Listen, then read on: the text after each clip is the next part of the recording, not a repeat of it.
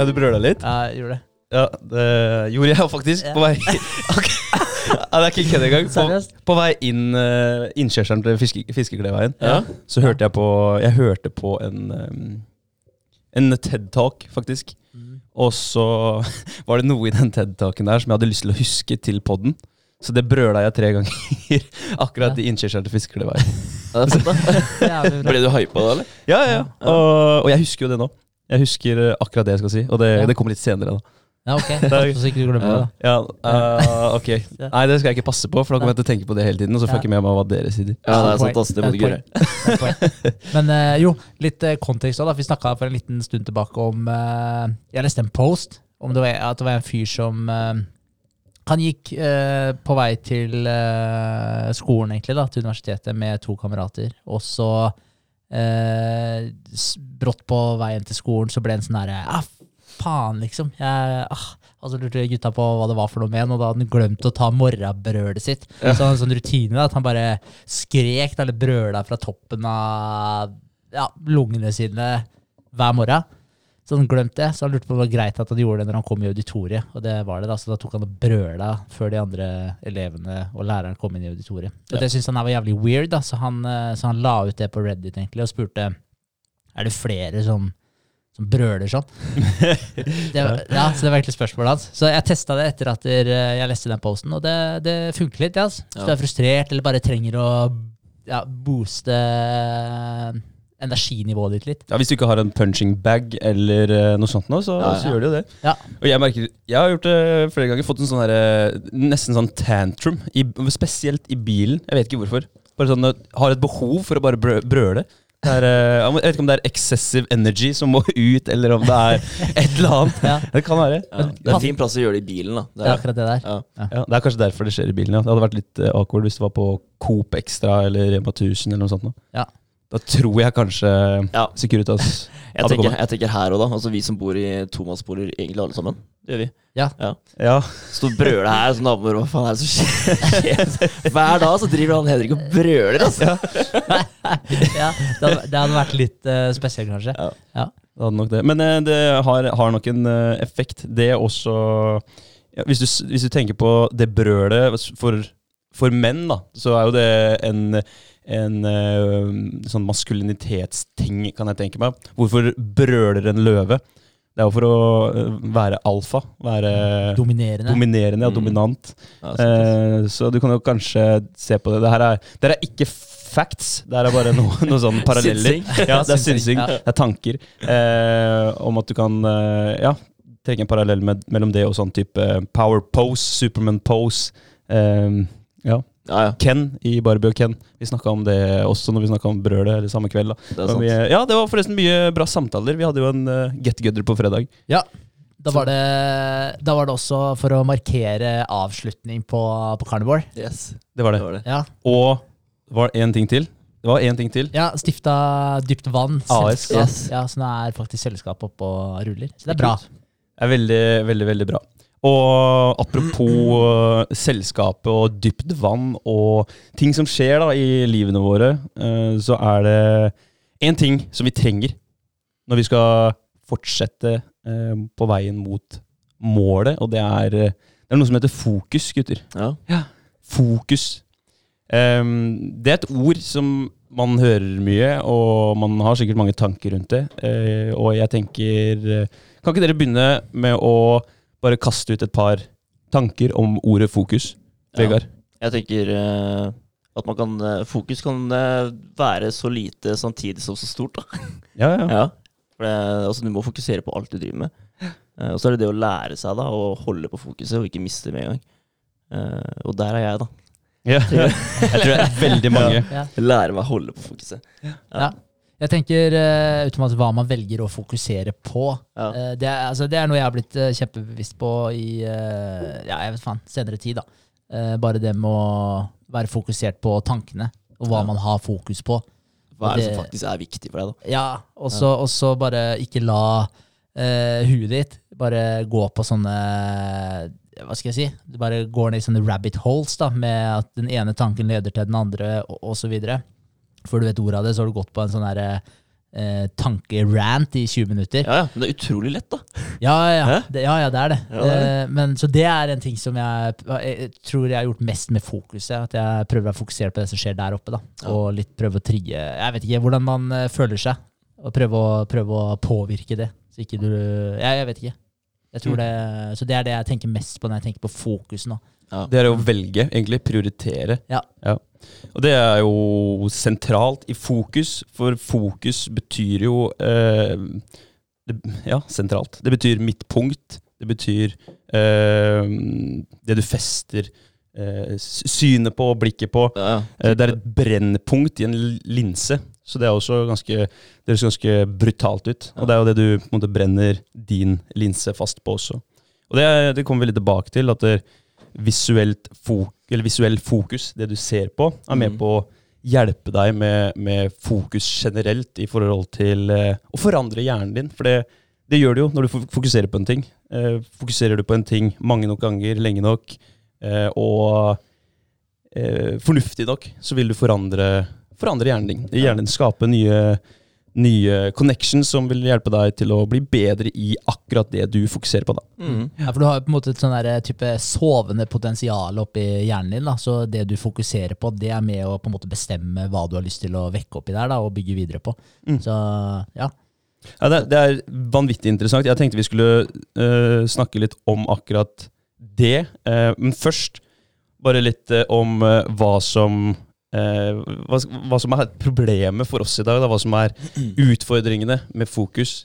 Og det er et eh, samfunn som er overstimulert. Eh, det er mennesker som er overstimulert. Vi har for mye å kunne fokusere på. Vi har for mange muligheter. Og det er et luksusproblem. Det er, jeg er kjempeglad for å leve i den tida vi lever i nå. Vi har så mange muligheter. Vi har så mange ting vi kan gjøre.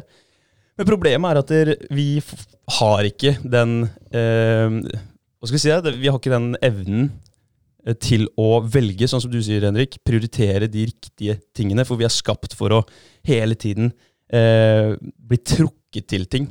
Og gjerne farer, ikke sant. Du skal hele tiden være obs på ting.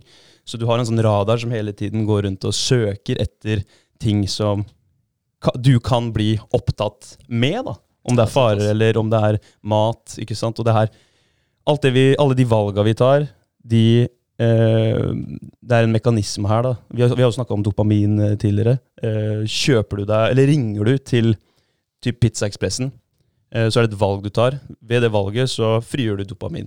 Mm. Eh, fordi du tar et valg som du på en måte du, du forventer noe positivt ut av. Hvis du sier du skal starte en bedrift, så frigjør du dopamin. Du får en sånn der, eh, tidlig dopamin ut eh, um, Eller tilførsel, da. Eh, ved å bare si at du skal starte på et nytt eventyr i livet ditt. Mm. Så da kan du egentlig lure deg sjøl litt, og så si sanne ting. Si, si til mammaen din at du skal Jeg skal bli proffbokser. Og så driter du egentlig i å bli proffbokser, da. Men da har du gitt deg sjøl en stimuli som du higer etter. Ja. Og det samme med den pizzaen òg. Du, du bestiller den, og da får du den frigjørelsen. Og så får du pizzaen, du spiser den, da får du også den frigjørelsen. Det er mange sånne valg som blir trukket til pga. samfunnet, eh, alle de mulighetene vi har. Og, og at vi mennesker, vi har ikke Vi vil ikke sitte og kjede oss og la, la bare van, eh, tankene vandre.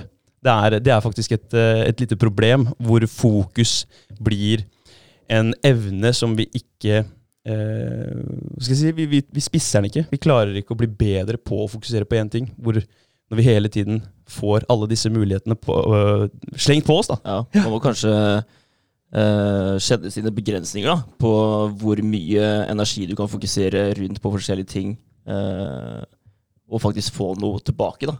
For det er jo, Skal du få best mulig avkastning på et eller annet, så er det viktig å fokusere mest mulig energi på én ting. da. Mm. Og ikke spre det ut på alle de mulighetene som vi faktisk har. Ja, og det handler om, om eh, Hvis vi bare tar en, en parallell til vår hverdag Vi har Mange av oss har kanskje mange ting vi skal gjøre. Mange, vi har jobber, vi har hobbyer, vi har venner, vi har kjærester. Vi har, vi har mange vesentlige ting i livet vårt som trekker oppmerksomhet. Mm. Og så er det det å, å fase ut de som er minst eh, Eller velge ut de som er minst viktig, og gi de litt mindre tid. Familie og, og kjæreste og, og jobb og, og sånt. noe, er kjempeviktig. Men de tinga som er mindre viktige, må vi, må vi lære oss å bare dytte litt til side. da. Og det her eh, kommer vi dypere inn i, i, i fokus og akkurat mekanismen i hjernen. For det er det som er litt interessant, at alt det her det er mekanismer som eh, du kan påvirke ved hjelp av eh, en bestemt måte å være på. Både kognitivt og eh, typ motorisk. Bruke både øya, øra og Du kan til og med tilføre supplementer. Du kan eh, også eh, begynne å gjøre enkelte øvelser da, for å, å bli bedre på å fokusere. Ja, det er fett. Ja, det er veldig spennende. Men det er jo, i forhold til det du sier, med tanke på distraksjoner og sånne her eh, type ting i, i dag altså det er, For det er jo som du sier, det er jo den beste tida å leve på, er jo nå. Ja. Men samtidig så har du alle disse utfordringene av at det er så mange valg, og, og telefonen, som er et eh, ekstremt mektig verktøy, men er samtidig en ekstrem distraksjon. Og, og bare det med varslinger videre, for der er det også den der dopaminreleasen, at du får en sånn der eh, god følelse når du får en varsling. Eh, og det er jo samme der, at du blir jo, du blir jo avhengig av den gode følelsen òg. Eh, Og det er jo bare å se hvordan folk reagerer også, hvis du står og prater med noen og den får et varsel på telefonen, og det kan være en melding, det trenger ikke være noen som ringer, og en melding er jo ja, innad i seg sjøl en ikke urgent greie, da. For da hadde man jo ringt hvis det, hvis det var uh, ja, urgent. Man hadde Men, uh, men allikevel, hvis noen får en melding, og du står og prater med dem, så tar de opp telefonen, og så ser de på den meldinga. For de bare de må se hva det er som skjer. De er livredd for å på en måte ikke få med seg ting med en gang, selv om den meldinga ligger der hele tiden. Og det, er, eh, og det er definitivt noe man kan, eh, kan trene på. Og du er inne på det i forhold til det her med å vite hvilke ting man burde fokusere på. Det er jo noen ting som er ekstremt mye viktigere enn andre ting. Eh, Men hvis man tenker hvor mye ting man faktisk bruker på disse uviktige tinga, som å sitte og scrolle på telefonen og ting som egentlig ikke gir deg noe, så, så kan man jo si, spare en del tid på de tinga der også, da, og så heller bruke den tida på ting som, som gir litt mer utbytte. da. Så, så det går jo an å på en måte, hvis man analyserer dagen litt Vi har gjort det tidligere. Vi har logga egentlig hele uka for å se hva man bruker mye tid på. og sånn. Og det, det skal ikke mye hva skal jeg si, Du skal ikke innom telefonen mange ganger eller innom Instagram mange ganger for at du fort er oppe i en halvtime, 40 minutter på Instagram om dagen. Om Absolutt ikke. Absolutt ikke. Og, og det, er bare det er jo helt sinnssykt hvis man tenker på det. Hvor mye tid da, som går med, går med til bare det. Ja, hvis du, du får jo de rapportene på telefonen din ganske ofte. Eh, hvor mye tid du har kasta bort på telefonen din. Mm. iPhone gjør det. De sender deg ukentlige rapporter, og det, det er skremmende innimellom. Hvor mye tid det er. Og da, hvis man klarer å snu den informasjonen litt, da, på eh, istedenfor hvor mye tid du bruker på telefonen, eh, kan man eh, fokusere på da hvordan eh, Det her er så mye tid du kunne brukt på en ting du har lyst til å bli bedre på. da. Mm. Eh, og, og det er akkurat det der med å vie oppmerksomhet og eh, være bevisst på det man eh, vil bli bedre på. Ja. Det er med på å gi deg et fokus. Og det kommer vi også litt inn på litt senere. Ja. Men helt, helt nå i starten så er det det der med, med det samfunnet vi- vi lever i, da. Eh, det A4-livet vi eh, på en måte etterstreber å ikke eh, havne i. Jeg snakka om det her for litt siden, noen podder siden. Det er med eh, Man kan liksom se på de som ikke De som kommer hjem fra jobb eller skole og eh, slenger seg ned på sofaen, eh, ikke har noen andre ting å ta seg til, om det er eh, studier, eh, eller om det er hobbyer, eller om det er eh, en, et, eller annet, et eller annet foretak, eller hva det måtte være. Mm. Eller annen, et eller annet engasjement, så er det veld, veldig fort gjort å bare slenge ut at man har da, da er man på en måte lat, og man, man uh, gjør ikke jobben sin, man, man uh, når ikke opp til potensialet sitt. Og det, det kan godt hende det at noen er skapt late, men eh, som jeg snakka om da, eh, det var det her med at jeg tror vi har for mange ting vi fokuserer på. Så når du kommer hjem da, så har du, du har den TV-en, og så har du eh, telefonen din, og så har du samboeren din, og så har du barna dine. Og så klarer du Du klarer faktisk ikke å velge bort. Det er for mye som gir deg input. Så vi har den der, Den kikkerten vår som vi ikke klarer å fokusere gjennom. Da. Så vi, har, vi ser hel, hele tiden på det store bildet. Og hvis du, hvis du titter ut eh, Si du står på, på en fjelltopp, da, og så titter du ut over horisonten eller utover utsikten du står på, så kan du se veldig mye, men det er jo ingen detaljer du måtte måte få med deg. Du kan ikke zoome inn på et sted, og så Oi, der, eh, der er det en eh, sprekk i den eh, ruta på det huset der nede. Det Mm. klarer du ikke. Det blir bare en stor røre da, Det blir av en- tinga du skal gjøre. Ikke sant? Ja. Så du, innimellom så må du faktisk bare skyve ut alt, eh, og skape deg en sånn skjegle med fokus Mm. for å kunne eh, bli bedre på noe, og gjøre deg sjøl en tjeneste med å ikke ha alle disse tingene som maser etter din oppmerksomhet, fordi vi blir dårligere på å gi oppmerksomhet når det her skjer. Mm. Og det er den oppmerksomheten eh, som vi må ha til stede da, for, å, eh, for å bli bedre, for å, bli, for å kunne fokusere på en ting. Og det Late mennesker, ja, kanskje, eh, men jeg tenker at det er, det er en øvelse, og det er en bevisstgjøring på, på å finne fram kikkerten sin, og titte gjennom den, og så se at du, du kan faktisk se ene, det ene målet ditt da, om å bli ja, vi, vi tar jo trening eh, som et eksempel veldig ofte, om at du kan bli sterkere. Bare du finner fram kikkerten din, og så ser du på det, det aspektet med livet ditt litt oftere. Og, og gjør, du må gjøre noe grep, da. Du må jo også faktisk begynne å bevege deg. Ja, ja. Men eh, det er jo, eh, i forhold til det du sier, at man må, det er en bevisstgjøring. Jeg er jo helt enig i det. For du snakker jo egentlig om at ja, okay, man må ha et mål. da. For det, da, Man må jo ha et mål for å vite hva det er som man skal skille ut, og hva man ikke skal, skal skille ut, eller hva man skal beholde. Mm. Så er det jo Uten et mål så kommer du deg ingen steder. Ferdig, ferdig snakka, uansett om det er trening eller om det er i livet generelt. Og, og den andre tingen er jo egentlig å se på døgnet. Hvor mange timer du har i døgnet. Du har 24 timer. Si du skal sove åtte av dem, bare for å ta åtte timer, da. Eh, ish. Noen fleste av oss sover sikkert sju.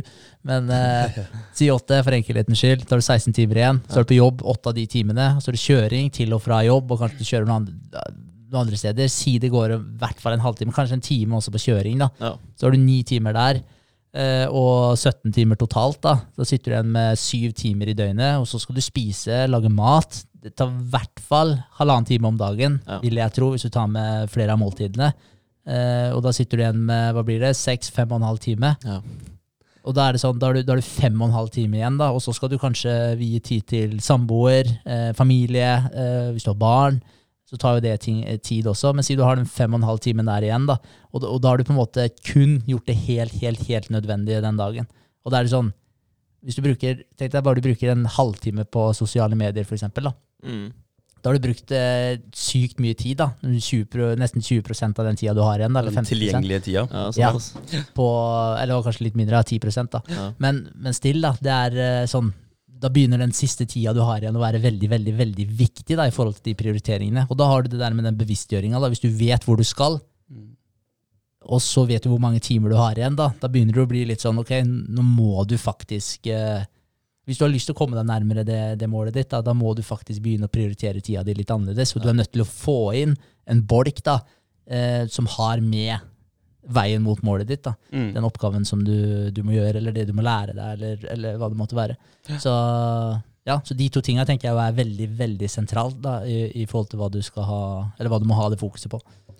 Absolutt. Jeg hørte på, som sagt, en TED-talk eh, på vei opp hit. En som heter Chris Bailey. Eh, han har eh, diva inn eh, med hodet først i det med å fokusere, og hvordan vi skal fokusere, og hvorfor. Og han, han prøvde det her med For du, du snakker om telefon, og det var det han prøvde. Han prøvde å legge fra seg alt med telefon og teknologi. Litt sånn dopamin detox, som vi også har vært inne på tidligere.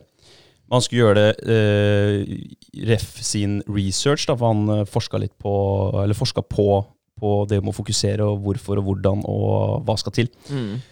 Og han, eh, han merka med en gang han kjørte det her i 30 dager, den første uka, så merka han at der, han fikk et, eh, et helt, en helt annen ro da, når han uh, kvitta seg med de elementene. Han, han satte seg en grense på 30 minutter hver dag til å bruke telefon, og det er da sånn type ringe til mammaen sin og Maps, Google Maps, sånne essensielle ting. Og da timer han seg hvor eh, lenge han var på telefonen av gangen. Og når han hadde nådd limiten sin, så måtte han eh, gjemme telefonen sin, basically. Eh, og det var Etter den første uka så merka han store forandringer, og han fikk umiddelbart flere ideer til hvordan han kunne bli bedre sjøl. Han fikk bedre eller lagd planer som han ikke hadde gjort tidligere, da. På, på veien videre i både forskningen sin og, og med hans eh, personlige mål. Eh, det som var litt kult, da var at han, eh, han konkluderte med at vi må la hjernen få lov til å vandre fordi han er for opptatt av å bli trukket steder hele tiden. Mm. Og det er den der attention som vi snakka om i stad, med at det er så jævlig mye vi skal hele tiden eh, bli på en måte lurt til. Da. Du har, du har fristelser overalt. Så vi må få, få lov til, eh, eller vi må gi hjernen lov til å vandre.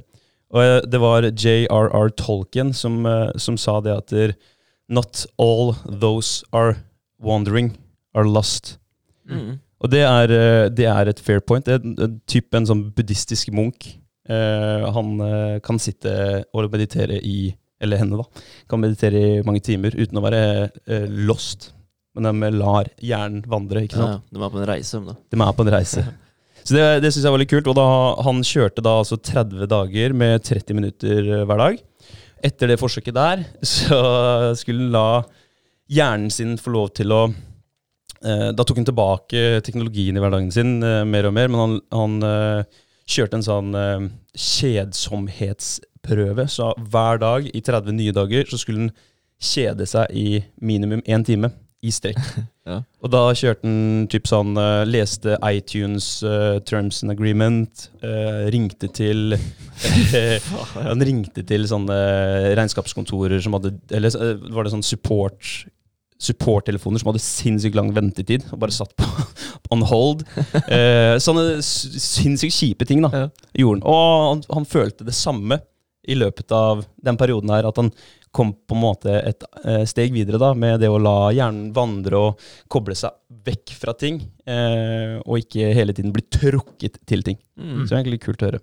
Ja, altså, det, altså, Vi har nevnt det før òg, men bare det at man klarer nesten ikke å sitte på dass uten å ta opp telefonen. Klarer ikke det. Nei, nei og det er, jo, det er jo helt tragisk. Men det, men det blir sånn derre man, man kjenner at det er en avhengighet. Det er akkurat som at uh, jeg nå testa noen forskjellige ting i forhold til det med kaffe. da, og Prøve å ikke drikke kaffe på var det 40 dager. Mm. Og så, har jeg også prøvd en sånn der eh, sosiale medier-detox også. Ja. Og, og det er et samme greiene, liksom. Så når du er på en måte Si når den kaffepausen kaffepausa var ferdig, så, så begynte jeg å drikke kaffe igjen. Og, og da hadde jeg ikke i nærheten av det behovet som jeg har hatt tidligere da, for uh, kaffe. Da kanskje, kanskje jeg drakk sånn én kopp om dagen. Og så, og så sakte, men sikkert da, så, så begynner det å, å Ja, at man trapper opp. da, Kjeder deg på jobb kanskje, har en fem minutter, tar deg en kaffekopp, eller du ser de andre sitter ute og tar seg en kaffekopp, kanskje du setter deg der og prater litt med dem, og, og da det, du har lyst på noe å drikke, da, da blir det en kaffekopp. Og så, og så etter hvert da, så begynner det liksom å bli sånn, så kommer den fra jobb, da, og så er det sånn, så kjenner du kanskje at faen, det hadde vært litt godt med kaffe. Nå har jeg satt en regel for meg sjøl at jeg skal prøve ikke å drikke kaffe så seint, da Ja.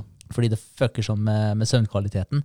Men, men da er det sånn, du merker da, at det begynner å, at det kribler litt i kroppen. Da. Du blir liksom nesten en sånn rastløs følelse. Og der har du den der koffeinavhengigheten. Ja. Og den samme kjente jeg også på, på den der sosiale medier-detoxen. På et eller annet tidspunkt så bare kunne jeg glemme igjen telefonen inne, og gikk ut av huset, og så var det sånn, å shit, nå har jeg glemt telefonen. Men så var det sånn, nei, fuck it, jeg skal tilbake om en time, liksom, så det spiller ingen rolle. Da var jeg seriøst der. ja, det er Men- sjukt. Ja, men nå, ikke sant? Ja, det er sjukt. Fordi Ja. nå er det sånn at hvis jeg går ut av huset nå, og jeg ikke har den i lomma, så føler jeg meg naken, akkurat som et eller annet mangler. Ja, det gjør det. Ja, men det var, Det er, uh, unnskyld, men uh, telefon er en type trygghet da, for deg. Altså Når du kommer inn i litt skumle, litt skumle plasser, da, mye mennesker, eller hva det skal være, så går du faktisk og holder på telefonen din. Altså. det er ganske sjukt. ja, ja, det er liksom det er, eh, ja, sikkerheten din, da. ja. Det er, det er skummelt, altså. Ja, det er, det- ja, men det er det. Det men det er litt fucka. Men det, det som er så interessant med det òg, det er at det, det kjennes ut som det er den samme rastløsheten. da. Når du sitter på dass og du ikke har telefonen der, så er det sånn Du er litt rastløs, liksom. Akkurat som at hvis det er sånn du kommer hjem fra jobb, og så, så har du akkurat spist middag, og så er det sånn du har sjukt lyst på den kaffekoppen. Du blir liksom litt sånn der rastløs. Mm. Det er, det er samme Man merker at man er avhengig, da. Mm. Og, det, og det liker jeg ikke. Nei. Og det er, det er mye vi er avhengig av òg. og det er jo det vi, vi tenker veldig mye på både fremtiden og fortiden og ting vi skal gjøre og har gjort. Og kanskje litt for lite på, på det vi gjør nå, da, faktisk nå. Nå drikker vi en kaffe, eller nå eh, ser vi på telefon. Eh, så, så hvis vi blir flinkere til å tenke på det vi gjør akkurat nå, være bevisst på det vi gjør akkurat nå, eh, så vil jo det her bli litt bedre og litt lettere. Vi tenker 12 av tida vår på det som har skjedd. Vi Mm. tenker 48% av tida vår på framtiden, og 28% på nå.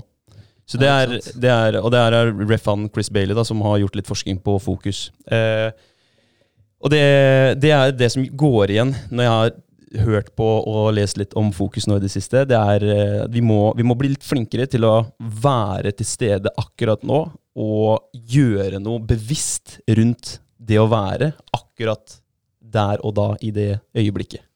Eh, og mm, velge eh, riktige tanker blant alle de tusen tankene vi har til enhver tid. Og som du snakka om i stad, da, å ha et mål eh, og en motivasjon for å nå det målet, det er veldig viktig. Men innimellom så blir det for mye fokus på målet og litt for lite på jobben som skal gjøres Mm. for å nå det målet. Så umiddelbar suksess eh, må man også tenke litt på. Skal, hva skal jeg gjøre nå for å være suksessfull? Og det har vi også snakka om tidligere. Ja. Han, eh, Earl Nightingale har jo en superbra definisjon på det å være suksessfull. Det er jo den jobben du gjør, altså det du gjør for å bli suksessfull. Du må ta ett steg av gangen. da Så du må tenke på de stega du tar. da Ikke sant? Vi, kan, eh, vi kan eh, tenke frem i tid, vi kan tenke tilbake i tid, og vi må nok bli flinkere til å tenke akkurat der og da. Mm. Vi har jo hatt en pod om det også, om de faktisk aktiv, aktivt tenker. Ja. Eh, så må vi kontre kontrollere det intense samfunnet vi lever i, istedenfor å la det kontrollere oss. Sånn som, jeg syns det er så mange kule, kule samtaler vi har hatt her, og som kommer tilbake i pod etter pod. Altså samme type temaer og samme type eh, verktøy da, for å deale med ting. Den der pingpongballen som hele tiden spretter fra side til side. Mm. Det er jo det når vi lar det intense samfunnet styre oss, istedenfor å styre oss selv, da. Ta kontrollen sjøl, og ikke bli boksa fra, fra ende til annen. Mm. Så det er utrolig viktig. Eh, å bli fokusert, da må vi legge merke til det som tar fokus, det som forstyrrer oss. For å bli fokusert så må du også eh, fjerne målet, og så leve litt i nuet.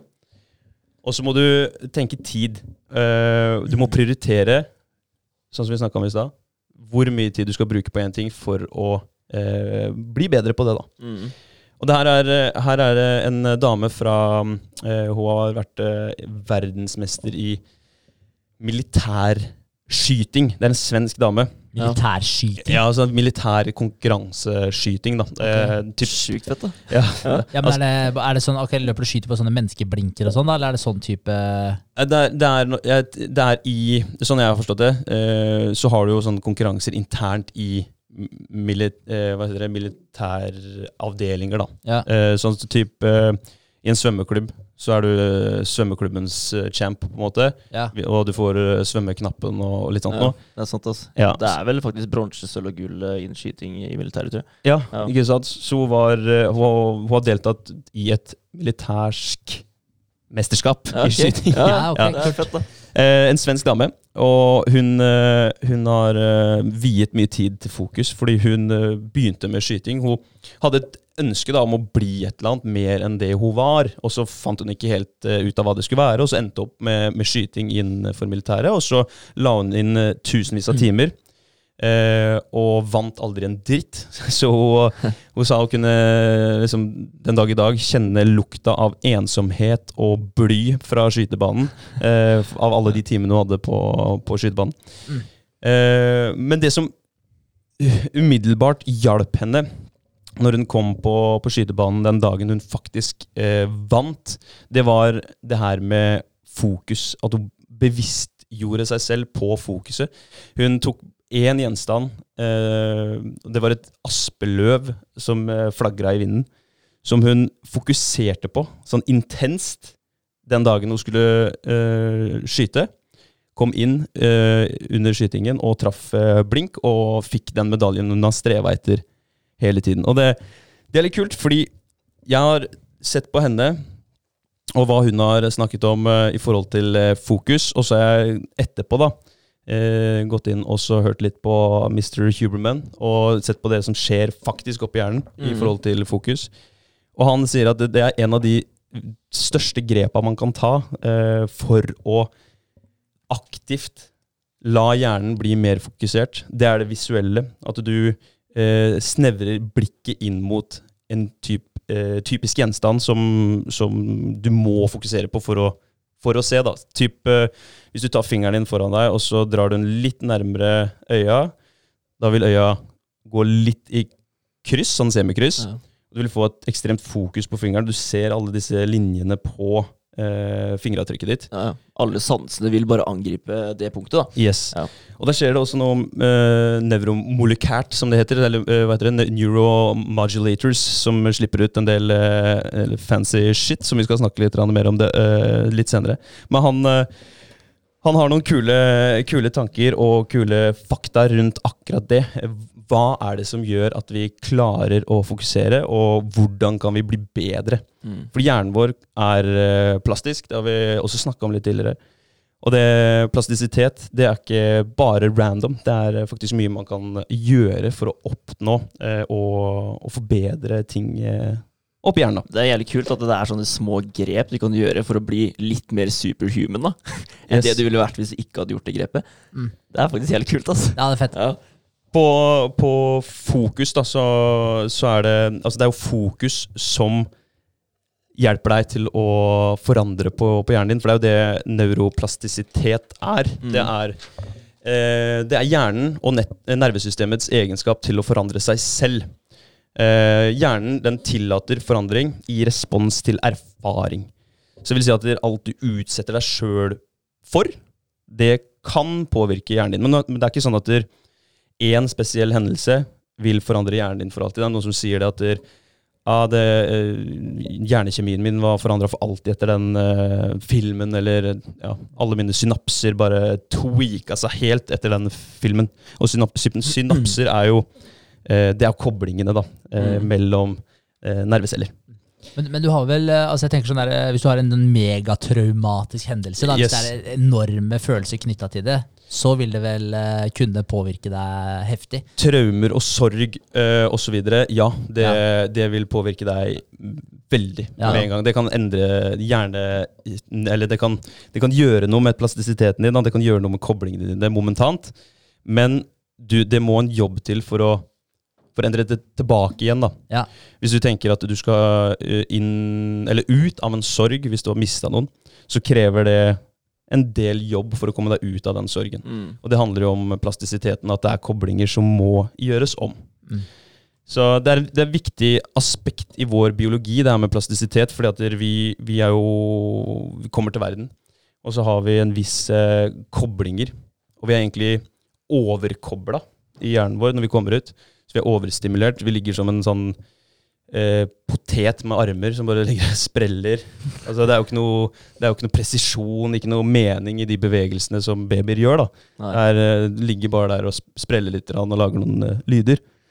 Eh, og det er, eh, det er masse koblinger, men de er ikke kobla helt riktig ennå. Og det er plastisiteten som, som gjør det. da. Det er evnen til å tilpasse seg omgivelsene som gjør at vi etter hvert kommer med meningsfulle, meningsfullte bevegelser, og bevegelser som vil hjelpe oss opp og fram i livet. da. Mm. Eh, det er eh, en del kule ting som vi, vi erfarer underveis. Det er jo at der, disse aksomene, de ender på nervecellene, og eh, altså de, de har en evne til å knytte seg på andre ting, eh, andre koblinger. Så du har muligheten til å fjerne en kobling, og så knytte deg på en ny kobling. Det vil si at du har muligheten til å erstatte en dårlig side ved deg selv, da, Ja. basically, og så danne en ny, bedre side ved deg selv. Ja, ikke sant? Så, sånn som jeg pleier å, å se på egentlig akkurat det der, da. Eh, det er bare å se på det. Altså, hvis du har et ark, da, og så har du liksom eh, et punkt som er deg, og så har du et punkt til den dårlige vanen som du har i dag, Ja. og så har du et punkt til den nye vanen da, som du har lyst til å erstatte den gamle, dårlige vanen med. Og så er det bare sånn, ok, hver gang du velger å gå for den dårlige vanen, så kan du sette en strek da, fra deg og til den vanen. Og der har du på en måte den der broa, da, den der synapsen som du, som du kobler oppi der. da. Og så kan du tenke deg at hver gang da, du, du tar det valget der, så, så forsterker du. Så ny strek da, forsterker du den, der, eh, den synapsen hele tiden. Streken blir tjukkere og tjukkere. Tjukkere og tjukkere. Og jo tjukkere den blir, jo vanskeligere er det å få den til å dø etterpå. da. Ja, Viske den ut, ja. Yes, og for å, for å få den til å dø, så er du nødt til å begynne å ta det nye valget. Så du, så du begynner å skape den koblinga der. Men da er du jo nødt til å gjøre det veldig mange ganger, da. Sånn at du faktisk eh, kondisjonerer systemet til at det er den veien her vi skal gå, og ikke den andre veien. da. Og da på sikt vil den, eh, vil den dø. Mm. Riktig. Og mange, det er jo mange grunner til hvorfor nervesystemet opererer sånn. Det er jo fra tidlig av, når man har farer og ting som truer deg rundt deg, så, så må du jo du må basere dine neste valg på eh, tidligere erfaringer. Så du har uh, smertefulle opplevelser, du har uh, evnen til å, å tilpasse oss slik at vi kan få nye opplevelser. Det er derfor nevroplastisiteten, eller hjernen, er plastisk. Uh, og, og, det er fokuset vårt som, som, kommer til å være det essensielle. Da. Fokuset vårt for å endre hjernen til Eller endre det dit vi vil, da.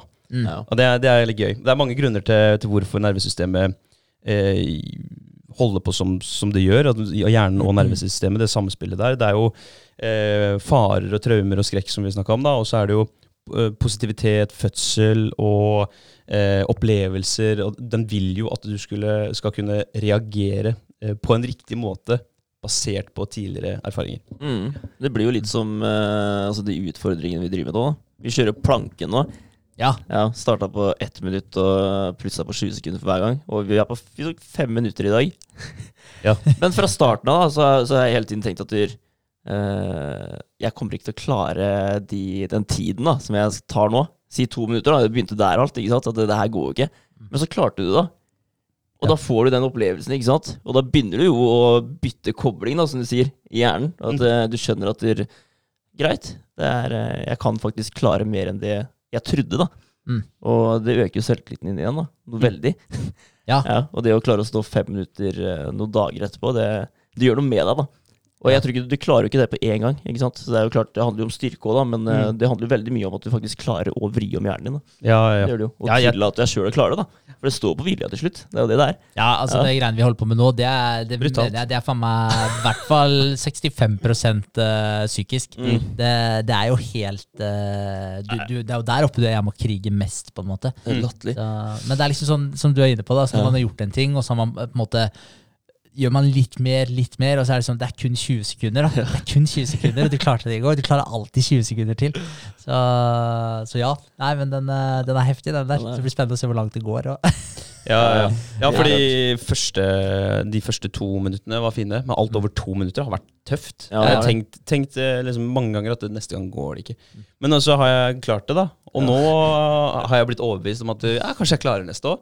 Ja, ja. Og det er jo fordi de koblingene har begynt å sette seg, da. Ja, ja. Så du Så- går inn, med- inn i det med litt annen holdning da, enn det du gjorde i starten. Yes. Men, det gjør men, men der ser man kanskje også liksom viktigheten av å faktisk starte på et uh, litt ok nivå også, sånn at du faktisk klarer det, og så øke gradvis med litt og litt og litt. For hvis vi hadde starta på fem minutter på dag én, da hadde jeg knekt det. Altså, det, hadde ikke, det hadde ikke vært snakk om. Nei, nei, Det, det hadde det ikke. Så, og så bare på de 13 dagene vi har holdt på.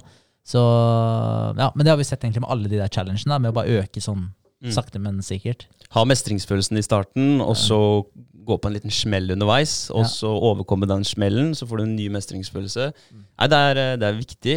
Det er dritkult. Ja. Eh, og vi, vi lærer mye underveis da, av de utfordringene. Men eh, sånn i forhold til eh, det med å endre hjernen eh, Hjernen er mest endrar, endrebar eh, i de første 25 årene av livet. Mm. Etter Fuck. ja. Mest en- endrbar, eller eh, plastisk. Ja. Men eh, han er fortsatt plastisk. Det er deler av hjernen heldigvis da, som ikke er plastisk. Mm. Og det er jo noe av det autonome nervesystemet som Altså hjertebanka våre, pusten vår, fordøyelsen. Det er, eh, jeg er ganske glad for at jeg slipper å fokusere på at hjertet mitt skal slå det neste slaget. Altså bare, Ja, ok, er kom igjen nå. Ja. En til. Kjør på. kjør på.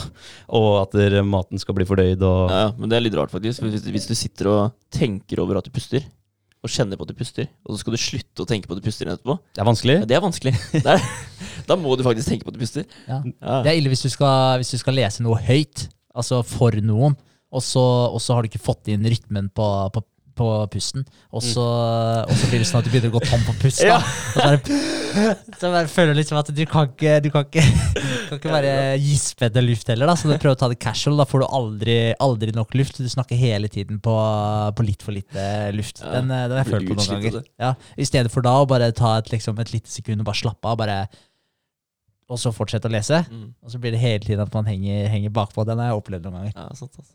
Ja. Nei, det er, eh, det er ganske utrolig det er eh, med nervesystemet vårt, hvordan det fungerer. Det autonome, at det fungerer som det gjør. Det er takknemlig for det, at jeg slipper å, å tenke på det. Um, men eh, du snakka om en traumatisk opplevelse som, som kan forandre oss. Og Det er noe som heter one trial learning. Og det, det skjer, men det skjer ikke så ofte. Det skjer mest når du har en negativ impact. Og da er det en stor jobb da på å unlearne igjen. Det er en eh, litt eh, krevende prosess. Eh, nervesystemet, den er det er eh, Vi har jo egentlig flere forskjellige nervesystem, men hvis vi sier nervesystemet, eh, så mener vi egentlig hele systemet. Eh, og den er basert på min unike, personlige opp opplevelse og erfaring. mm. Så jeg er egentlig et kart av det som har skjedd med meg. Det er eh, nervesystemet. Nervesystemet er egentlig kartet over alt som har skjedd meg. Eh, så det kartet der, det kan jo hele tiden eh, forandres på, og du kan legge til nye steder på kartet og, og ha nye koblinger mellom de forskjellige, nye broer da, mellom de forskjellige stedene på kartet Mm. sånn maps of meaning, eh, eh, egentlig. At det er, det er en mening med alt man har gjort, og det vil ha en påvirkning for alt som kommer til å skje. Kult å se på det på den måten. At det er et kart. Ja, det er eh, egentlig ganske kult, og det er et kart som alltid kan endres. Eh, og det blir som sagt litt vanskeligere når man blir eldre. Litt, det krever litt mer, men det er ikke umulig. Det er en myte om at du kan skape nye eh, nerveceller eh, underveis. Eh, det er fortsatt en myte. Du, til en viss grad så kan man det når man er opptil 15 år, når puberteten eh, på en måte, Du er ferdig med puberteten. Etter det da er det ikke så veldig mye nytt å produsere av nerveceller. Det, det er noe F.eks. hvis du får et, en traume til ansiktet, eh, til nesa, så er det noen eh, nerveceller som ligger og har eh, kontroll over luktesansen din. Mm. Så de kan bli eh, kutta av av en traume mot nesa hvis du knekker nesa. Og du mister luktesansen. Men de kan faktisk gro sammen igjen. da. Men det er ikke det, er ikke det samme som å, å skape nye eh, nerveceller. Så, så det er eh, Etter 25 så er det en større prosess. Det er eh, en spesifikk prosess for å, for å endre eh, hjernen sin. Og ved hjelp av fokus så, så klarer vi å gjøre det på en eh, ganske ålreit måte. Eh, hvis dere tenker på, på ting som, eh, som eh, dere gjør, da, har dere, noen, har dere noen ritualer for å bli mer fokusert, eller være mer fokusert? Eh, ja, altså Nå har jeg faktisk tatt ned de lappene på badet, men uh, vi har jo de affirmations-lappene på, på badet, f.eks., som man går og ser på hver dag. Ikke nå, for nå er de ikke der, men Ja, ellers, da. Og da forteller du deg sjøl altså det du har skrevet der. da Du får jo en eh, Du, får jo, du ser det jo hver dag, da. Mm. Og da får du Hva skal jeg si, du forteller det til deg hver dag. Eh, så ja, det er vel kanskje én ting som jeg bruker for å bli litt bedre. Men Mm. eh, jeg kommer ikke på noe andre akkurat nå. Nei. Nei, altså Samme her, da. Jeg har jo sånne lapper, jeg også. Og så har jeg en note på telefon som jeg leser hver morgen og hver kveld. Og så leser jeg den egentlig hver gang jeg er på dass. Så jeg prøver å bytte ut eh, scrolling på sosiale medier med å lese det i stedet. Mm. Ja. uh, for det er bare en greie som jeg har skrevet. Og det har litt med ja, målsetninger og litt om uh, hva jeg skal ha fokus på. da. Eh, og så er det en annen ting i forhold til jobbinga òg, da. Eh, Sofie hadde et bra tips med meg nå, for jeg pleier å sitte og bare Når jeg først sitter og jobber, så sitter jeg bare og jobber. Jeg tar ikke pauser og sånn. Og det, det kan være litt dumt i forhold til fokus, for fokuset går jo ned. Ja. Eh, så nå har jeg begynt å sette på klokka. Så nå klokker jeg tre kvarter. Og når det, når det er ferdig, så slutter jeg med det jeg driver med, og så tar jeg et kvarter pause. Så, Ja, den er ikke dum. Nei, og det Jeg syns det har funka bra. Nå har jeg ikke testa det så lenge. Jeg testa det egentlig bare før, uh, før helga. uh, men jeg syns det fungerte veldig bra. Så det er en ting som jeg skal prøve å, prøve å gjøre nå. Men jeg føler også det med å planlegge i kalender. Det er jo Føler jeg virkelig er med på å holde fokus oppe. Ja, det er, da, ja. ja, fordi, fordi hvis jeg ikke gjør det, og så begynner jeg å lure på hva, okay, hva skal jeg gjøre i dag, og så, og så begynner jeg på en måte å eh, jeg si, gruble på de tinga, prøve å finne ut av hva er det jeg skal gjøre i dag. Eh, må finne ut av det. Og da bruker jeg mye tid på, på bare det. I stedet for at jeg har planen klar, så har jeg kanskje brukt en time på å planlegge uka, eller halvannen time for den saks skyld. Og da kommer jeg bare hjem fra jobb den dagen, og så har jeg plotta i kalenderen. Det er det jeg skal jobbe med den timen der. Mm. Og da vet jeg det med en gang, og det hjelper jo mye mer eh, Det hjelper jo fokuset. Mm. Jeg tenker at det, er en sjukt bra måte å Det å sette tid da på arbeids... eh, når du sitter og jobber. Jeg tenker at det er en genial måte å faktisk eh, ikke fokusere på telefonen. da. Mm. For nå bruker du telefonen som et verktøy til å ta tida på deg sjøl. Eh, og da det er lett å konsentrere seg om bare det, da, og ikke tenke at det, når det plinger i telefonen Når det er en annen som plinger, da, så er det lett å psykisk forberede seg på å ikke titte. da. Ja. Ja, enn hvis du bare legger telefonen der og ikke har en annen oppgave til den enn at den faktisk ligger og vibrerer. Ja. I, egentlig så burde man jo satt den på flight mode, vet du. Bare sånn der, for ikke få forstyrrelser. Fordi Ja. altså, hvis du setter deg Det tar litt tid før man kommer inn i sona når man sitter og jobber også. Og hvis du får en eh, noen som prøver, Hvis noen ringer deg, og det bare er noe sånn der uh, visvas da, som ikke haster i det hele tatt, så som regel det er, det er veldig sjelden jeg får ting på telefonen som haster. Som virkelig, virkelig brenner. da. Det er veldig sjeldent. Ja, ja. Og, og men det, det tar jo fokus, og da tar det tid før du, før du kommer deg tilbake inn i den rytmen som du satt og jobba i. Og så tar det også, i forhold til det med input igjen, da, hvis noen ringer deg og så tar opp en ting med deg, så, så kan det hende at det, den, eller kan hende, 100% da, så er den tingen, eh, ligger den og vandrer litt oppi her. Spesielt hvis det er noe du må ta stilling til. Mm. Så det også er på en måte med å stjele fokus. Men det, men, ja, men det er lettere sagt enn gjort, akkurat de greiene der. Da. Det er kanskje bedre å jeg vil heller, eller Det jeg prøver å gjøre, er å skru av varslinger osv. På, på ting som jeg ikke trenger å reagere på med en gang. Så det Bare styre varslingene. Ja.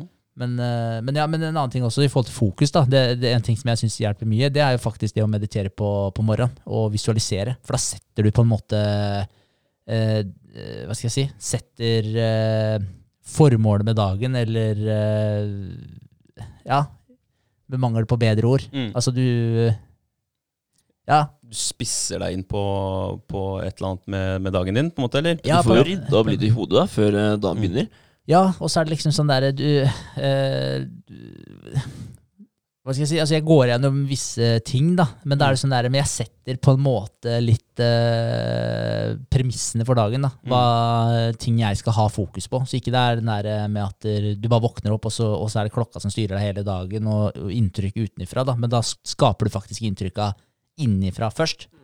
Og så er det det du tar med deg på starten av dagen. Jeg føler det også hjelper mye på, på fokus. Mm. føler jeg. Ja. Det, det gjør det definitivt. Også, vi har snakka mye om det å velge ting Velge bort ting, og velge ting man skal fokusere på, prioritere. Eh, og grunnen til at der, jeg tar opp det her med nevroplastisitet, at det hjernen er plastisk, er jo fordi at det, det fokuset vi har, det kan endres så veldig mye. da, og endrer vi eh, Endrer vi en del ved hjernen vår, så endrer veldig mye av det som Altså resultatet av det vi gjør også. Hjernen vår styrer jo, styrer jo det motoriske, så det er alle valgene våre. Det vi gjør, vil jo påvirke nye valg igjen, og påvirke de rundt oss. Eh, og, det, og det som går igjen Hvis jeg bare tar eh, hun uh, skyterdama fra Sverige som et eksempel. Hun, eh, hun eh, sa det at det å lokke ut det uviktige Altså det med det med at hun hadde de tusenvis av timene på, på banen, det var ikke det som uh, gjorde henne best. Det var det at hun, hun lærte seg å prioritere. Hva var det som var viktig? Og hun klarte å, å, å finne det Ta fram kikkerten og finne fokuset. Uh, og slippe ut disse kje- kjemikaliene da, som gjør henne mer alert og mer eh, responsiv. Eh, du blir mer Refleksene dine øker. Det er mange sånne kjemiske eh, ting som, som skjer da, når du gjør det greiene her. Og det samme sier Huberman eh, når han eh, tar det her med hvordan ditt fokus kan forandre hjernen din. Det er pla- nevroplastisiteten Hvis du skal oppnå en form for forandring, hvis eh, du skal gjøre eh, eller utnytte plastisiteten best mulig, så må du erkjenne eller anerkjenne at det er noe du vil forandre. Og da er det jo den bevisstheten. Mm. Det er, det er steg nummer én. Vit hva du vil forandre, eller bare vit at du vil forandre noe. Da har du satt i gang prosessen. Det er spesifikke kjemikalier som slippes ut når vi er bevisst over at det er en forandring som vi vil ha på plass. Eh, disse kjemikaliene tillater oss muligheten til å gjøre endringene. Og er, det er tre kjemikalier, eh, og det er tre det er en, et kjemikalie som vi er uh, ganske godt kjent med, som har relasjon til stress. Uh, og ja, vi snakker om alertness, eller at man er uh, årvåken, da. At Mm. man er på. Og det er jo viktig når man skal fokusere, ikke sant. Og det er, Kan dere gjette hva det kjemikaliet er? Eh, Til stress tenker jeg kortisol med en gang, men eh, det, det er jo ikke en positiv greie sånn sett, er det det? Nei, Så- men du må ha, ha et visst ja. nivå der også.